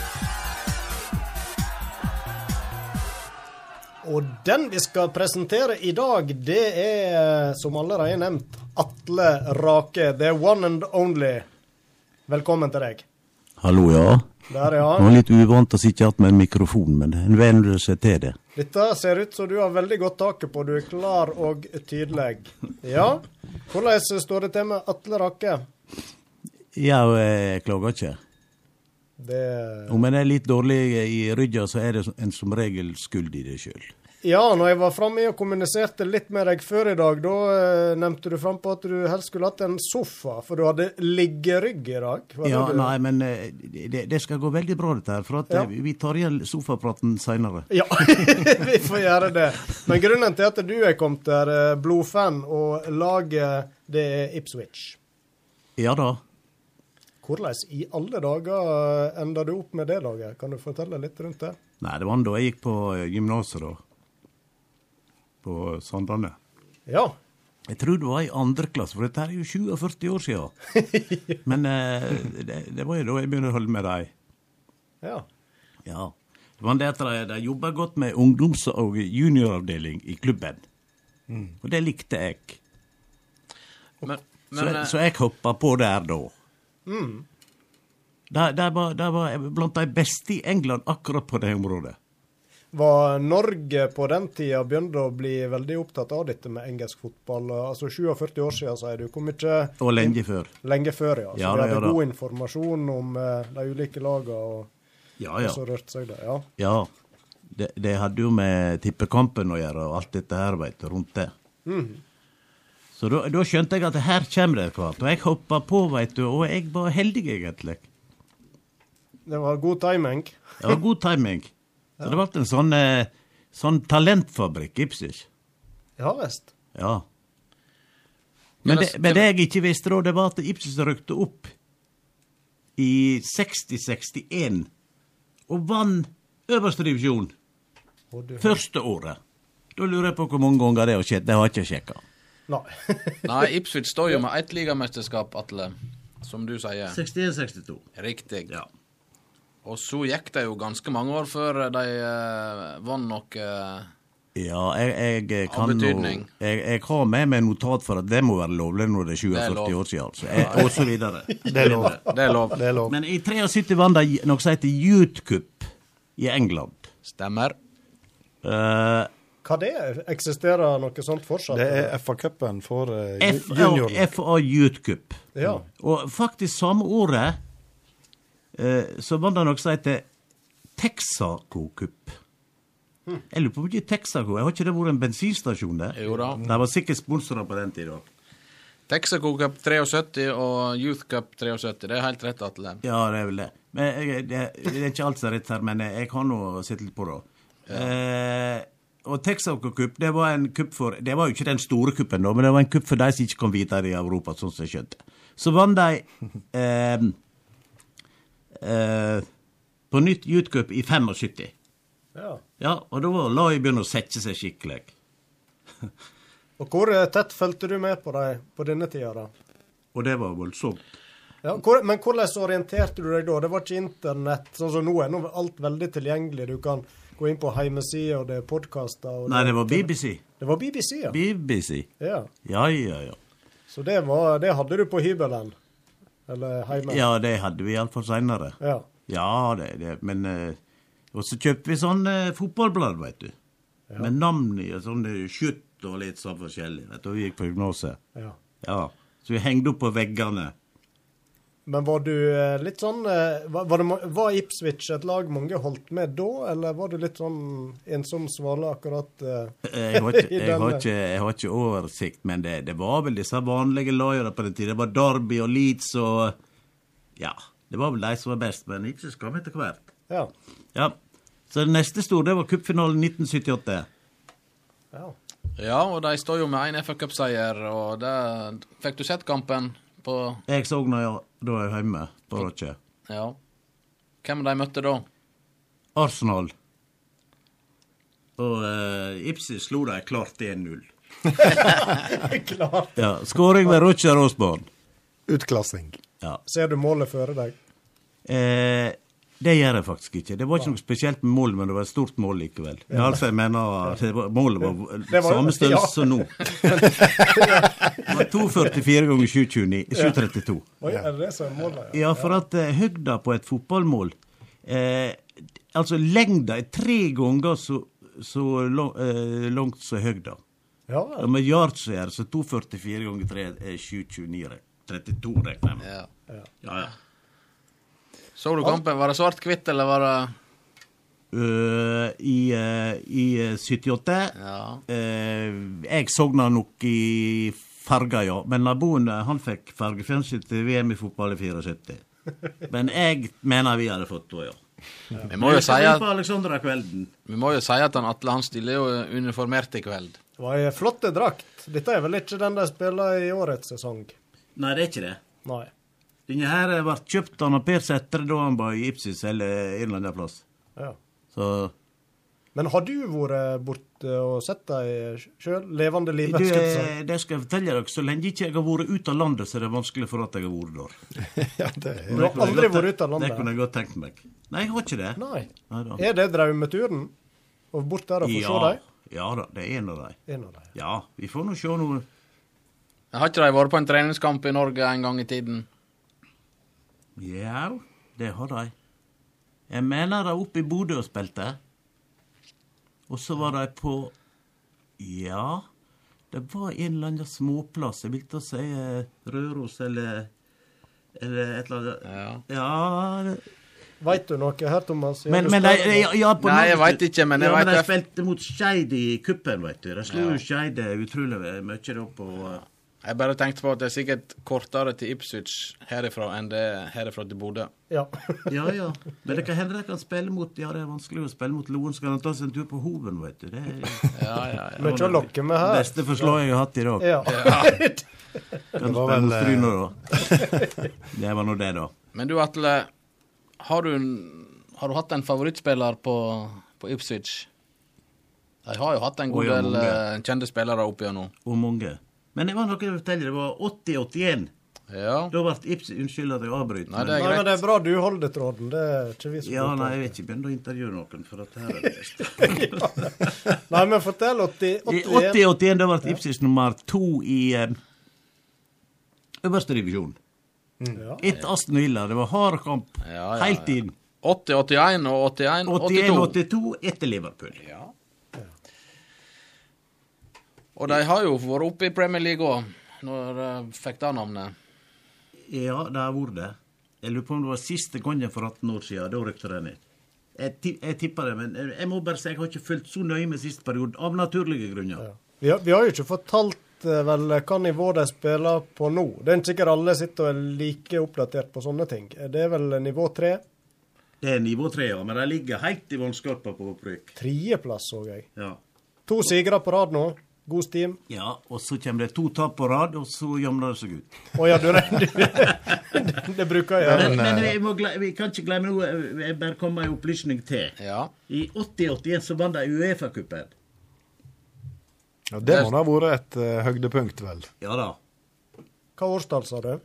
81-80. Å ja. 81-80 med deg. Mot AZ Alkmaar fra uh, Nederland. Nederland. De sier Holland og Nederland, men Holland er visst et distrikt i Nederland.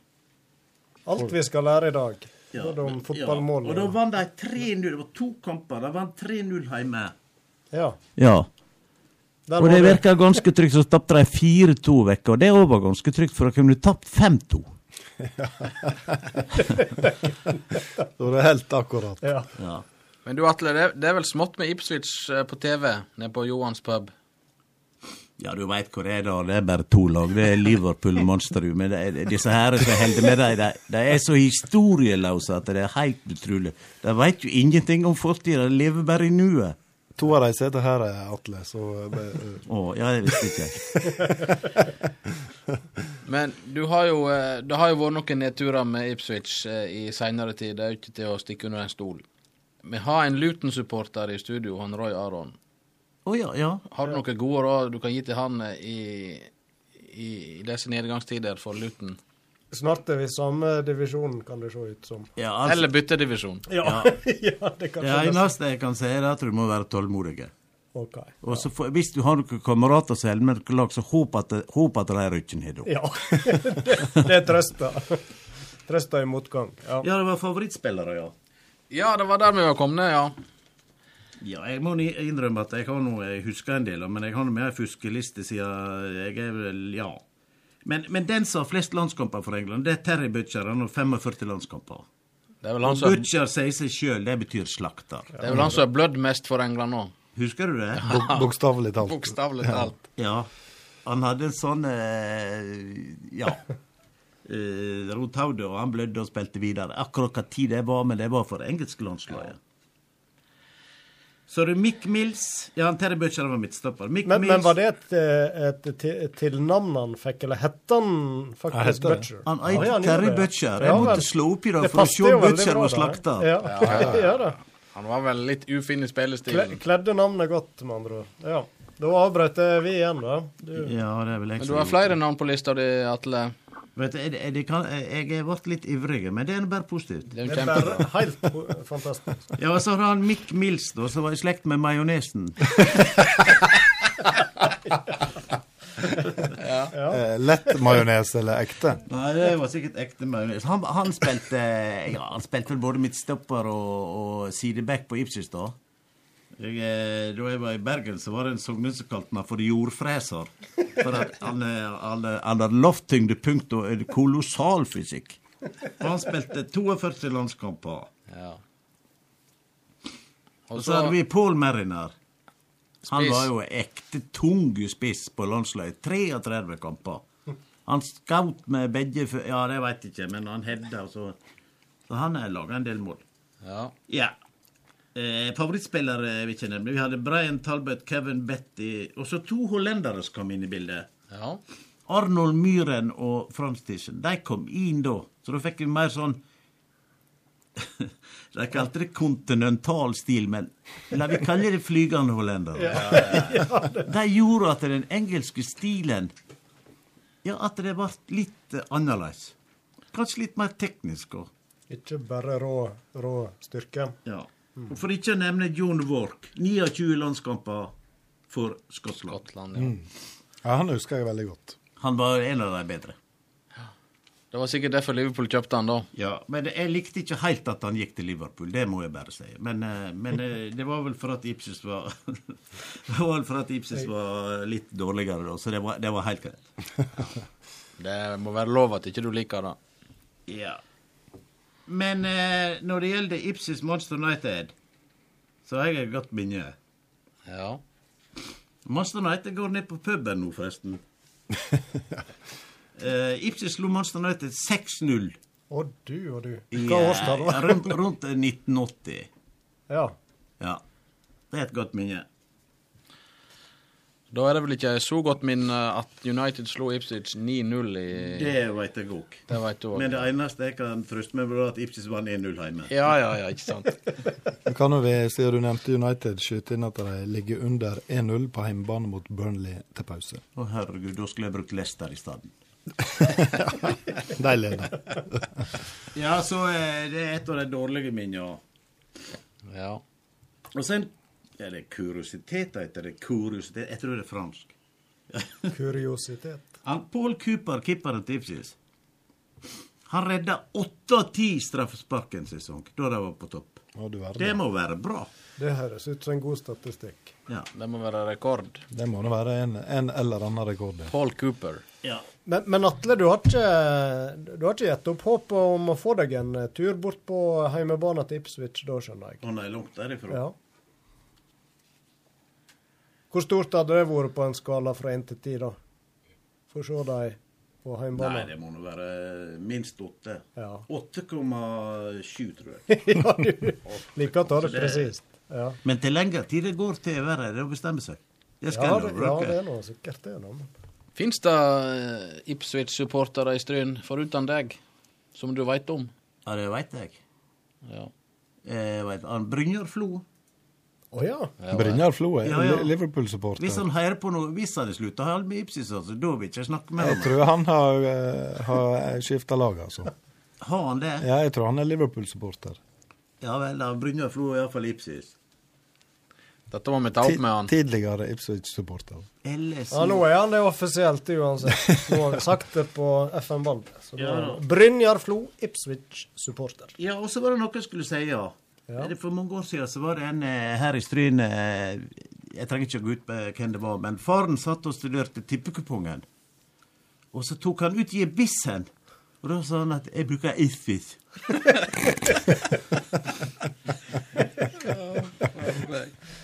eh, hvis han hører på, så kan han bekrefte det, men jeg vil ikke nevne navn. Men du Atle, jeg hadde, når vi likevel har deg her, så hadde jeg litt lyst til å så eh, prate om eh, noe annet som vi fortsatt i sportens verden. Men du har jo jobba litt som journalist i lokalavisa òg, hvis vi går eh, noen år tilbake. Og eh, hadde Ja, det var vel kanskje fotball først og fremst, eller var det litt forskjellig? Det begynte vel med fotball, ja. Ja. Litt sånn referat referat fra mer ned i divisjonene, eller? Ja, det er han Harald Bartholde. Jeg- Det første referatet fra Loen. Oi, ja, jeg glemte inn i mikrofonen. Der var du. Får ny beskjed hvis det Ja. ikke er noen som hører det. Harald Vartdal, altså, eh, fikk deg Ja, han, eh, jeg, jeg skrev litt referat for Loen. Jeg tror jeg spilte der sjøl da. Og, Å ja. og, og da, da ville han ha meg til å skrive. Og så fant han vel ut eh, av en eller annen grunn at her må vi prøve deg i Fjordinga. Så jeg var sånn frihands. Frihands. Freehands-journalist. Jeg har jo, eh, jeg har jo rota litt i arkivet, Atle, før eh, sending i dag. Og eh, jeg har funnet et kampreferat som Det er kort, men det er så presist, og alle forstår hva som står der. Da, eh, kan jeg få lov å lese det? Det er, det er såpass kort at du kan lese alt. Jeg hørt ja, dette er fra 95. 3. mai 95 sto dette på trykk, og det var Tonkam som hadde vært ute i Hyen og spilt. og tapt 6-2, og Atle Rake hadde brukt følgende uh, tittel En flokk med hyener sprang over Tonkam. Jeg husker det. Og så står det Hyen Tonkam 6-2, 0-1 Danbø, 0-2 Danbø. Resten av måla Hyen. og så kommer vi til uh, selve referatet, Atle. Ja, ok. Poeng å merke seg i kampen. Den sentrale midtbanen med Os og Vik fungerte ikke i første omgang. Jan Egil Flo har ikke skåra verken i serie eller treningskamper. Tonkam satsa friskt og var på hugget i andre omgang. Halvard Bø, parentes, denne gang uansvarlig lagleder, serverte ballen på sølvfat til heimeåtaket.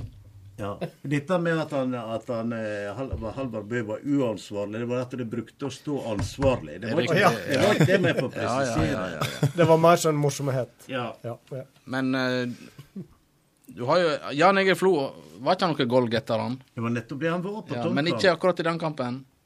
Nei, han var tydeligvis ikke det. Nei. Men dette her med Jan Egil Flo, det har vi vært inne på før òg, at han, han hadde et fotballtalent, hadde ikke han det? Han er jo den som har flest eh, kretskamper for Stryn gjennom tidene i aldersbestemt, mener jeg. Ja vel. Ja, det er rykter jeg har hørt òg. Ja, jeg har hørt det, da. Det stemmer nok, da. I hvert fall eh, Nå spiller han kanskje enda flere kamper enn tidligere, det vet ikke jeg. Men, men, men du hadde nå en eh, hva skal vi si, en tydelig penn, Atle, da du lagde referat. Du hadde nå din stil, da. Ja, jeg hadde jo det, veit du. Men eh, det var noe han Harald Barthold sa til meg, og det er akkurat det jeg husker ikke. Han hadde ringt meg på en torsdag eller en fredag, og da skulle jeg eh, nå, nå må du, Atle eh, det- Du er nødt til å skrive om Loen har en heimkamp nå på søndag. Ja, jeg hadde visst ikke noe særlig lyst. Da, Hva er det, da, sa han Harald. Du skjønner da at det, det er en som er 50 år inn på, inn på råkja, og vi skal feire på lørdag. Men det er greit. Jeg, jeg trenger vel ikke skrive så langt. det kan du bekrefte med Harald Vartdal. Ja. Så det var kanskje en som fylte 50 år før dette referatet òg, da. Det ble det ble ikke så langt, det heller. Nei, det hadde ikke noe med det å gjøre. Nei. Det er ikke alltid en trenger å skrive så langt om. Kort og presist er ofte det beste. Der har kanskje vi litt å lære Ja. Men så faktadelene fortalte veldig mye. Ja. Ja. Så en brukte det systematisk og Ja. eh, Så det Men eh, jeg har nå skrevet mye lengre referat enn dette opp gjennom tidene. Det kan de se. ja, hva andre ting Husker du andre ting du var innom og skrev? Og det var mye. Det var mye. Ja. Jeg reiste på bortekamper og satt på med disse her spillerne og greier. Så Ja det var- vel. Det var mye Det er noen fyldige referat, ja. Jeg husker nå at eh, en periode jeg spilte på Loen, så eh, var det nå stort sett du som skrev eh, referater i Fjordingen eh, mandagen etterpå. Og da, eh, det var jo sånn at vi gleda oss jo stort til han Atle sine referat kom på trykk, for det var like god underholdning hver gang. Ja, nei, det var noe kjekt å høre. Jeg har nå hørt det før, sånn sett. da. Så, det var noe sånn egen stil, da, men Du, du, var- du var jo flink blant annet til å gi en del spillere eh, kallenavn og eh, litt sånn kreative kallenavn. vi, vi snakket om det i dag. Ja. Uh, uten at vi kanskje skal nevne det nå, men uh, det var jo en som spilte på A-laget til Stryn da. Og han sa at uh, det, det er løye med disse kalle navnene, sa han, men husk på alle som bor vekke der, veit ikke hvem det er. Jeg kan da ta ett, da. Han, eh, han Trond Leir Gullen kalte jeg Trond Leir Gjelloven. ja. Ja. Men eh, det gikk nå bra, det òg. Vi kjente folket, så gikk det bra. ja, nei, det gikk veldig bra. det. Nei, men eh, du er en eh, kar som eh, både har bidratt og, Eller du bidrar nå i lokalavisa fortsatt òg. Plutselig så har vi et eh, dikt på trykk. Ja, så du, det- du liker nå å ta fram eh, Skriver du på papir, eller er det på maskin, eller?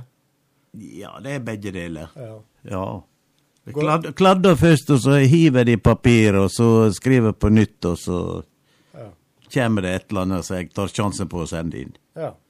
ja men dette har du taket på. er noe- Små dikt og Ja, jeg har fått eh, bra tilbakemeldinger, og så er det noen som ikke sier noe, da regner jeg med enige. Ja. Vi får håpe det. Får satse på det. Vi har jo noen oppdateringer på Facebook òg som er prega av god humor. Ja, og takk- ja, det, takk for det. det er noe underholdning, det òg. Ja da. Så det Nei, men fortsett med det, Atle. Både å Ja, skrive, skrive dikt og ellers eh, holde oss eh, oppdatert med andre ting. Og så eh, er det jo Ipswich. Er det kamp i helga, regner jeg med? Jeg regner med det. Ja. De ligger på eh, eh, tredjeplass nå, men med én kamp mindre. Men så er det et lag bak som er én kamp mindre en gang eh, enn de. Ja. Og da er det Da skulle vi ikke nevnt at det er en kamp mindre når det ligger et lag bak er en kamp mindre. Hvem er det de møter i helga, da? I Switch? Det veit ikke jeg. No. Det veit ikke jeg, altså. Det, jeg regner med det heimkamper. To bortekamper. Men det er vel to lag som rykker rett opp der, ikke det? Og så er det en sånn playoff-variant, sånn som det er championship. Er ikke det samme Det er rett. Mm. Det, er ikke, det er ikke lett å rykke opp uansett. Nei, en bør helst være på topp heimbana topp til. Ipsis, det veit du vel selvfølgelig hva den heter. Portman Road. Portman Road. Ja. Sitter som et skudd med disse karene. Ja Tractor Boys, vet du hvorfor det heter det? Kallenavn? Nei, det, det veit jeg faktisk ikke. Jeg tror de kom fra Jæren. Det kan godt Eller. Raja. Ja, ja, han Haaland må spille på Ipswich. Ja. Er det noen nordmenn som har vært i Ipswich, tru? Det er det vel? Jeg er usikker, men det er kommet en inn i trenerteamet nå som jeg ikke husker navnet på. I Ipswich. Ja, han er fra ei Ja, han er nede i Det er jeg ikke sikker på, men uh, det finner jeg. Han er faktisk kommet inn i tre- trenerteamet. Jeg vil ta si han kom fra Nordre Land eller noe sånt. Så han får prøve seg der nå i trenerteamet, altså. Ja. Og Ipsis det ligger altså da nordøst for eh, London. Eh, 13 mil skal vi prøve oss på det. Da vet du iallfall hvor du skal reise hen når du først kommer deg over. Det er ikke problem i hele tatt. East Anglia Suffolk. Ja. Og største rivalen, det er Det er Norwich. Yes. Det er Englands svar på kanarifuglene. Ha, har vi sagt hva drakter de har? Du, du skrytte av drakta, men eh, fargene Det er jo eh, blått og hvitt og litt rødt. Ja, det- det må det det her, her. Blått og hvitt er det iallfall fra gammelt av. Ja. Ellers så har jeg funnet en nordmann som har spilt på Ipswich, eh, Frank. Ja, den, den quizen tar jeg ikke, altså. Men si hva årstall, da. Sånn Det var altså i 2014 til 2016, så det er ganske nytt. Han har spilt 41 kamper og skåra tre mål. Tør du gjette, Atle? Nja Nei, jeg må få førnavnet, iallfall. Ja, han har spilt på både Lyn, Ålesund, Crystal Palace, og nå er han aktiv i Strømsgodset. Ja, det er jo han eh, Parr. Yes. Ja ja, naturligvis. Jonathan. Ja ja ja. ja. Ja, ja, ja. Naturligvis er han par. Jeg lurer på om han har slekt opp på Hellesylt. Det er godt mulig. Det får vi finne ut til neste sending. Det var iallfall Ja, det, det, den burde jeg grepe, men OK. Ja. Lago. Jeg syns du klarte deg meget bra, Atle. Mye spennende kunnskap om Ipswich og andre ting. Eh, Vi har lært litt nye ting, vi òg, tror jeg, i dag. Så Ja, jeg har vel fått ut det meste. En får nå aldri ut det meste ja, hvis en eh, føler en har fått ut det meste og det beste, skulle jeg si. Jeg skal ikke være fornøyd, da. Ja, Godt fornøyde. Ja. Det er alltid kjekt når alle parter er fornøyde. Det skal noe til. Vi, er- vi, vi er godt fornøyde, vi her i Sport om spa-studio. Og veldig glad for at du tok turen. Det sier vi, Ja, altså, jeg tenkte, jeg tenkte da at nå fikk jeg eh, iallfall minst et par spørsmål i fjor. Og så tenkte jeg nå må jeg stille opp neste år. Ja. Vår nå- første gjest i 2020, det er ikke verst. Nei, det skal være sagt at du har blitt spurt et par ganger før, men det var vel både en forkjølelse og litt annet. Men nå klaffer klapper det. Ja, nei, det, det er greit. Dette her, det, det var kjekt å bli invitert til. Tusen takk til deg, Atle Rake. Sitat, ord og uttrykk fra sportens verden som du nå får servert, enten du vil eller ei, ved Frank Hol. der hun bor. Ja, det er jo... Nå er det mye tyting i bakgrunnen her. det er bare sjarmerende, Thomas. Eh, ord og uttrykk, ja. Eh, den gangen her så eh, kom jeg over en um, artikkel eh, der eh, de tar da Forfatteren tar for seg en del eh, uttrykk som mange misforstår. Så det kan jo være greit å, eh, å klare opp i, da. Og det første uttrykket som ofte da blir eh, misforstått, det er eh, Eller det er et ord bjørnetjeneste. Og mange oppfatter det som ei eh, stor tjeneste, mens det riktige da er ei tjeneste som er meint som hjelp, men som egentlig bare ødelegger.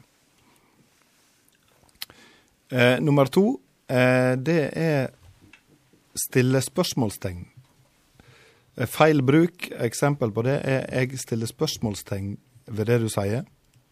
Det har jo blitt gjort mange ganger her i studio.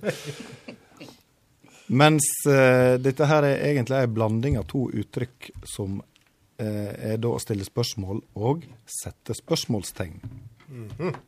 Feil bruk. Det er jo viktig, karer, at en tar det norske språk på alvor og, Det- bru og bruker det rett. Det kan jeg love deg, Frank, at vi som jobber i lokalavis, det blir vi påminnet titt og ofte hvis vi ikke er nøyaktige der. Ja, Men eh, vi kan aldri bli utlært, så det Jeg kan jo si det òg, at jeg hadde jo egentlig tenkt å spørre David Vatne om dette, for han er jo en ivrig kar på Twitter, blant annet.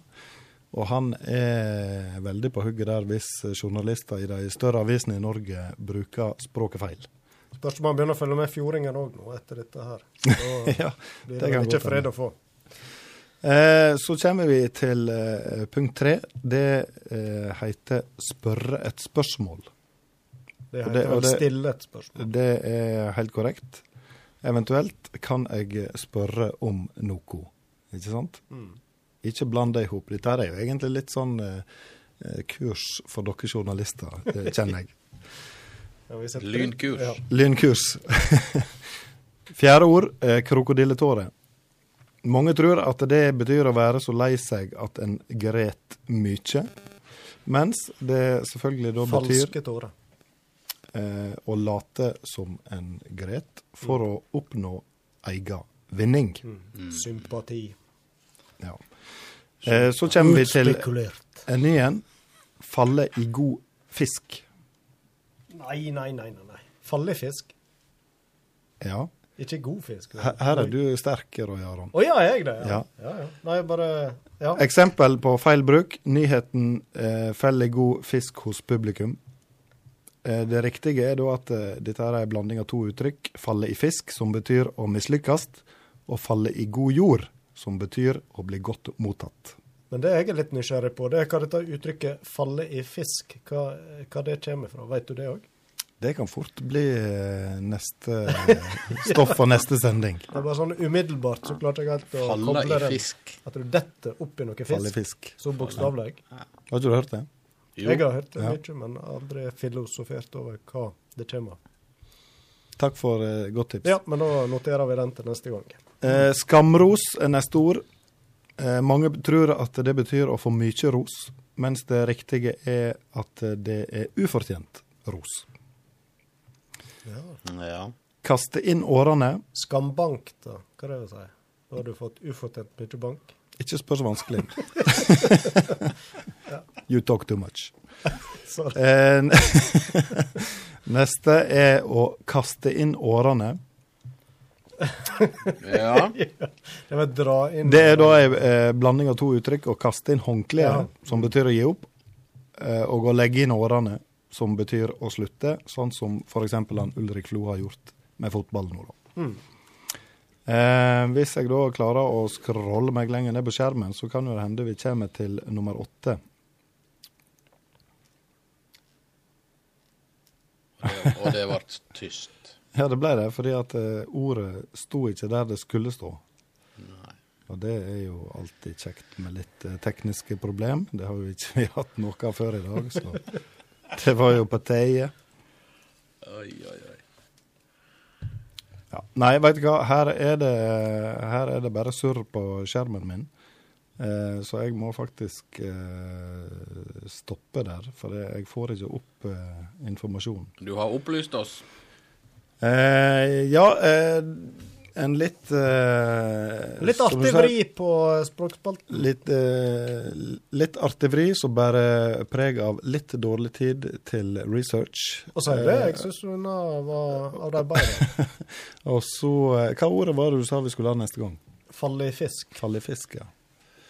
Så den kan du få spekulere litt på. Skal vi spekulere på til Mm. neste gang. Tusen takk, lektor Hoel, for en eh, opplysende to minutter, tre minutter der. Da eh, har vi bare én programpost eh, igjen, tror jeg, og da har vi kanskje en eh, kjenning på den òg.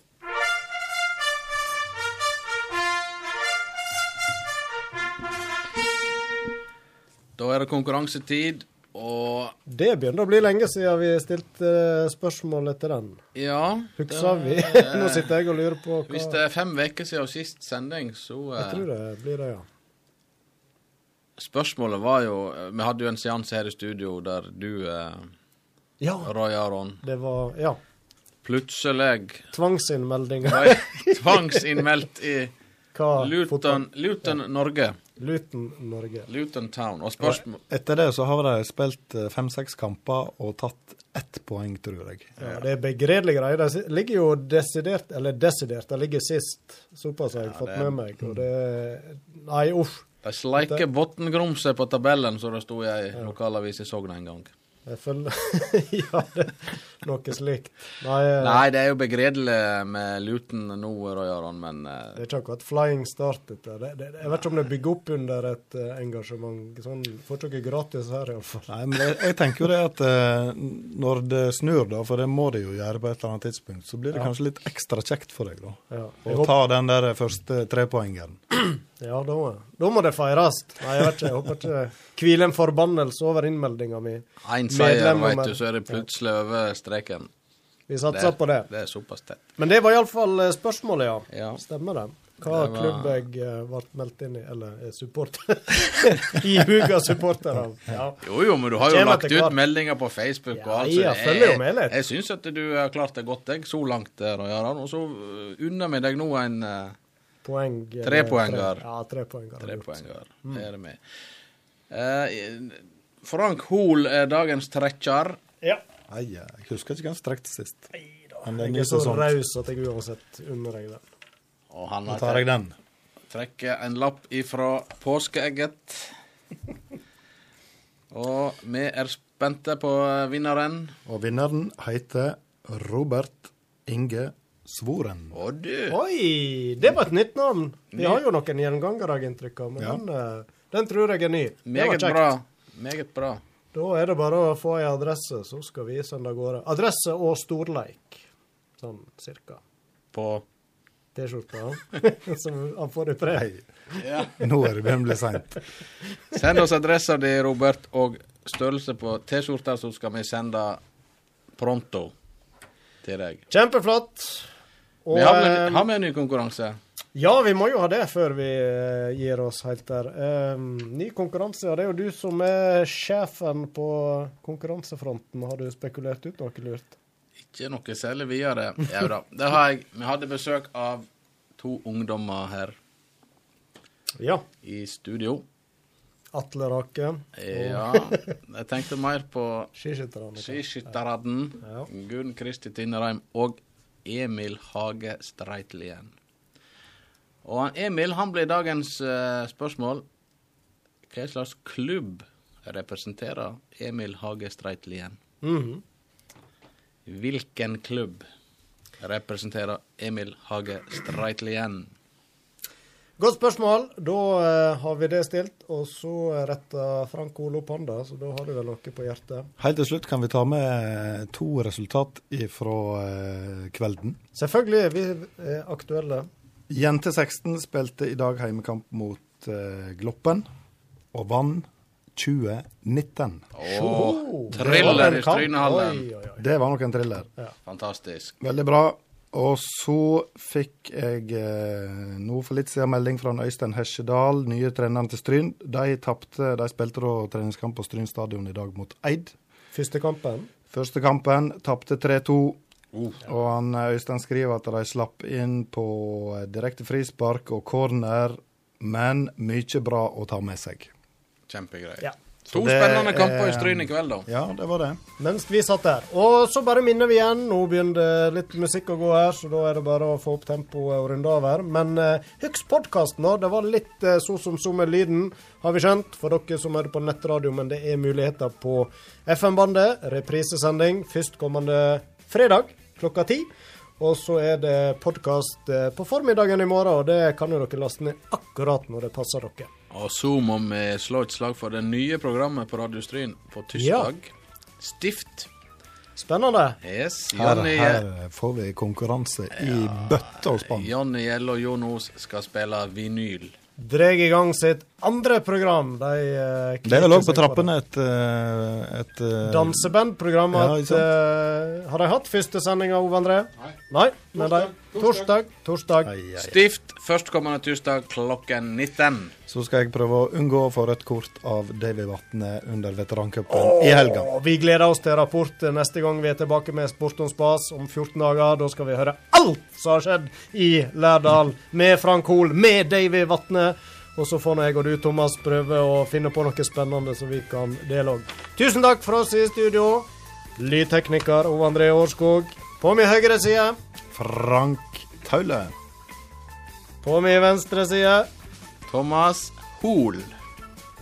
Og midt mellom oss ingen ringere enn Roy Vatne. Tusen takk for oss. Ha en fortryllende aften videre. Hei, hei. Ai, ai, ai.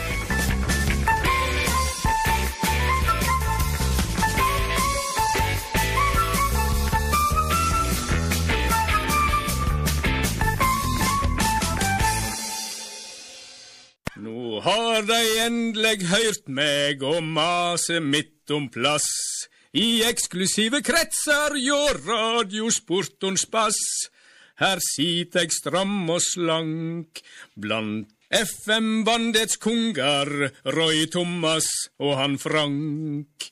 Kjøpmann André Oppheim og Bumpris Olden er stolt sponsor av Sport om spas i sesong to. Og já, jeg har brød i strinde.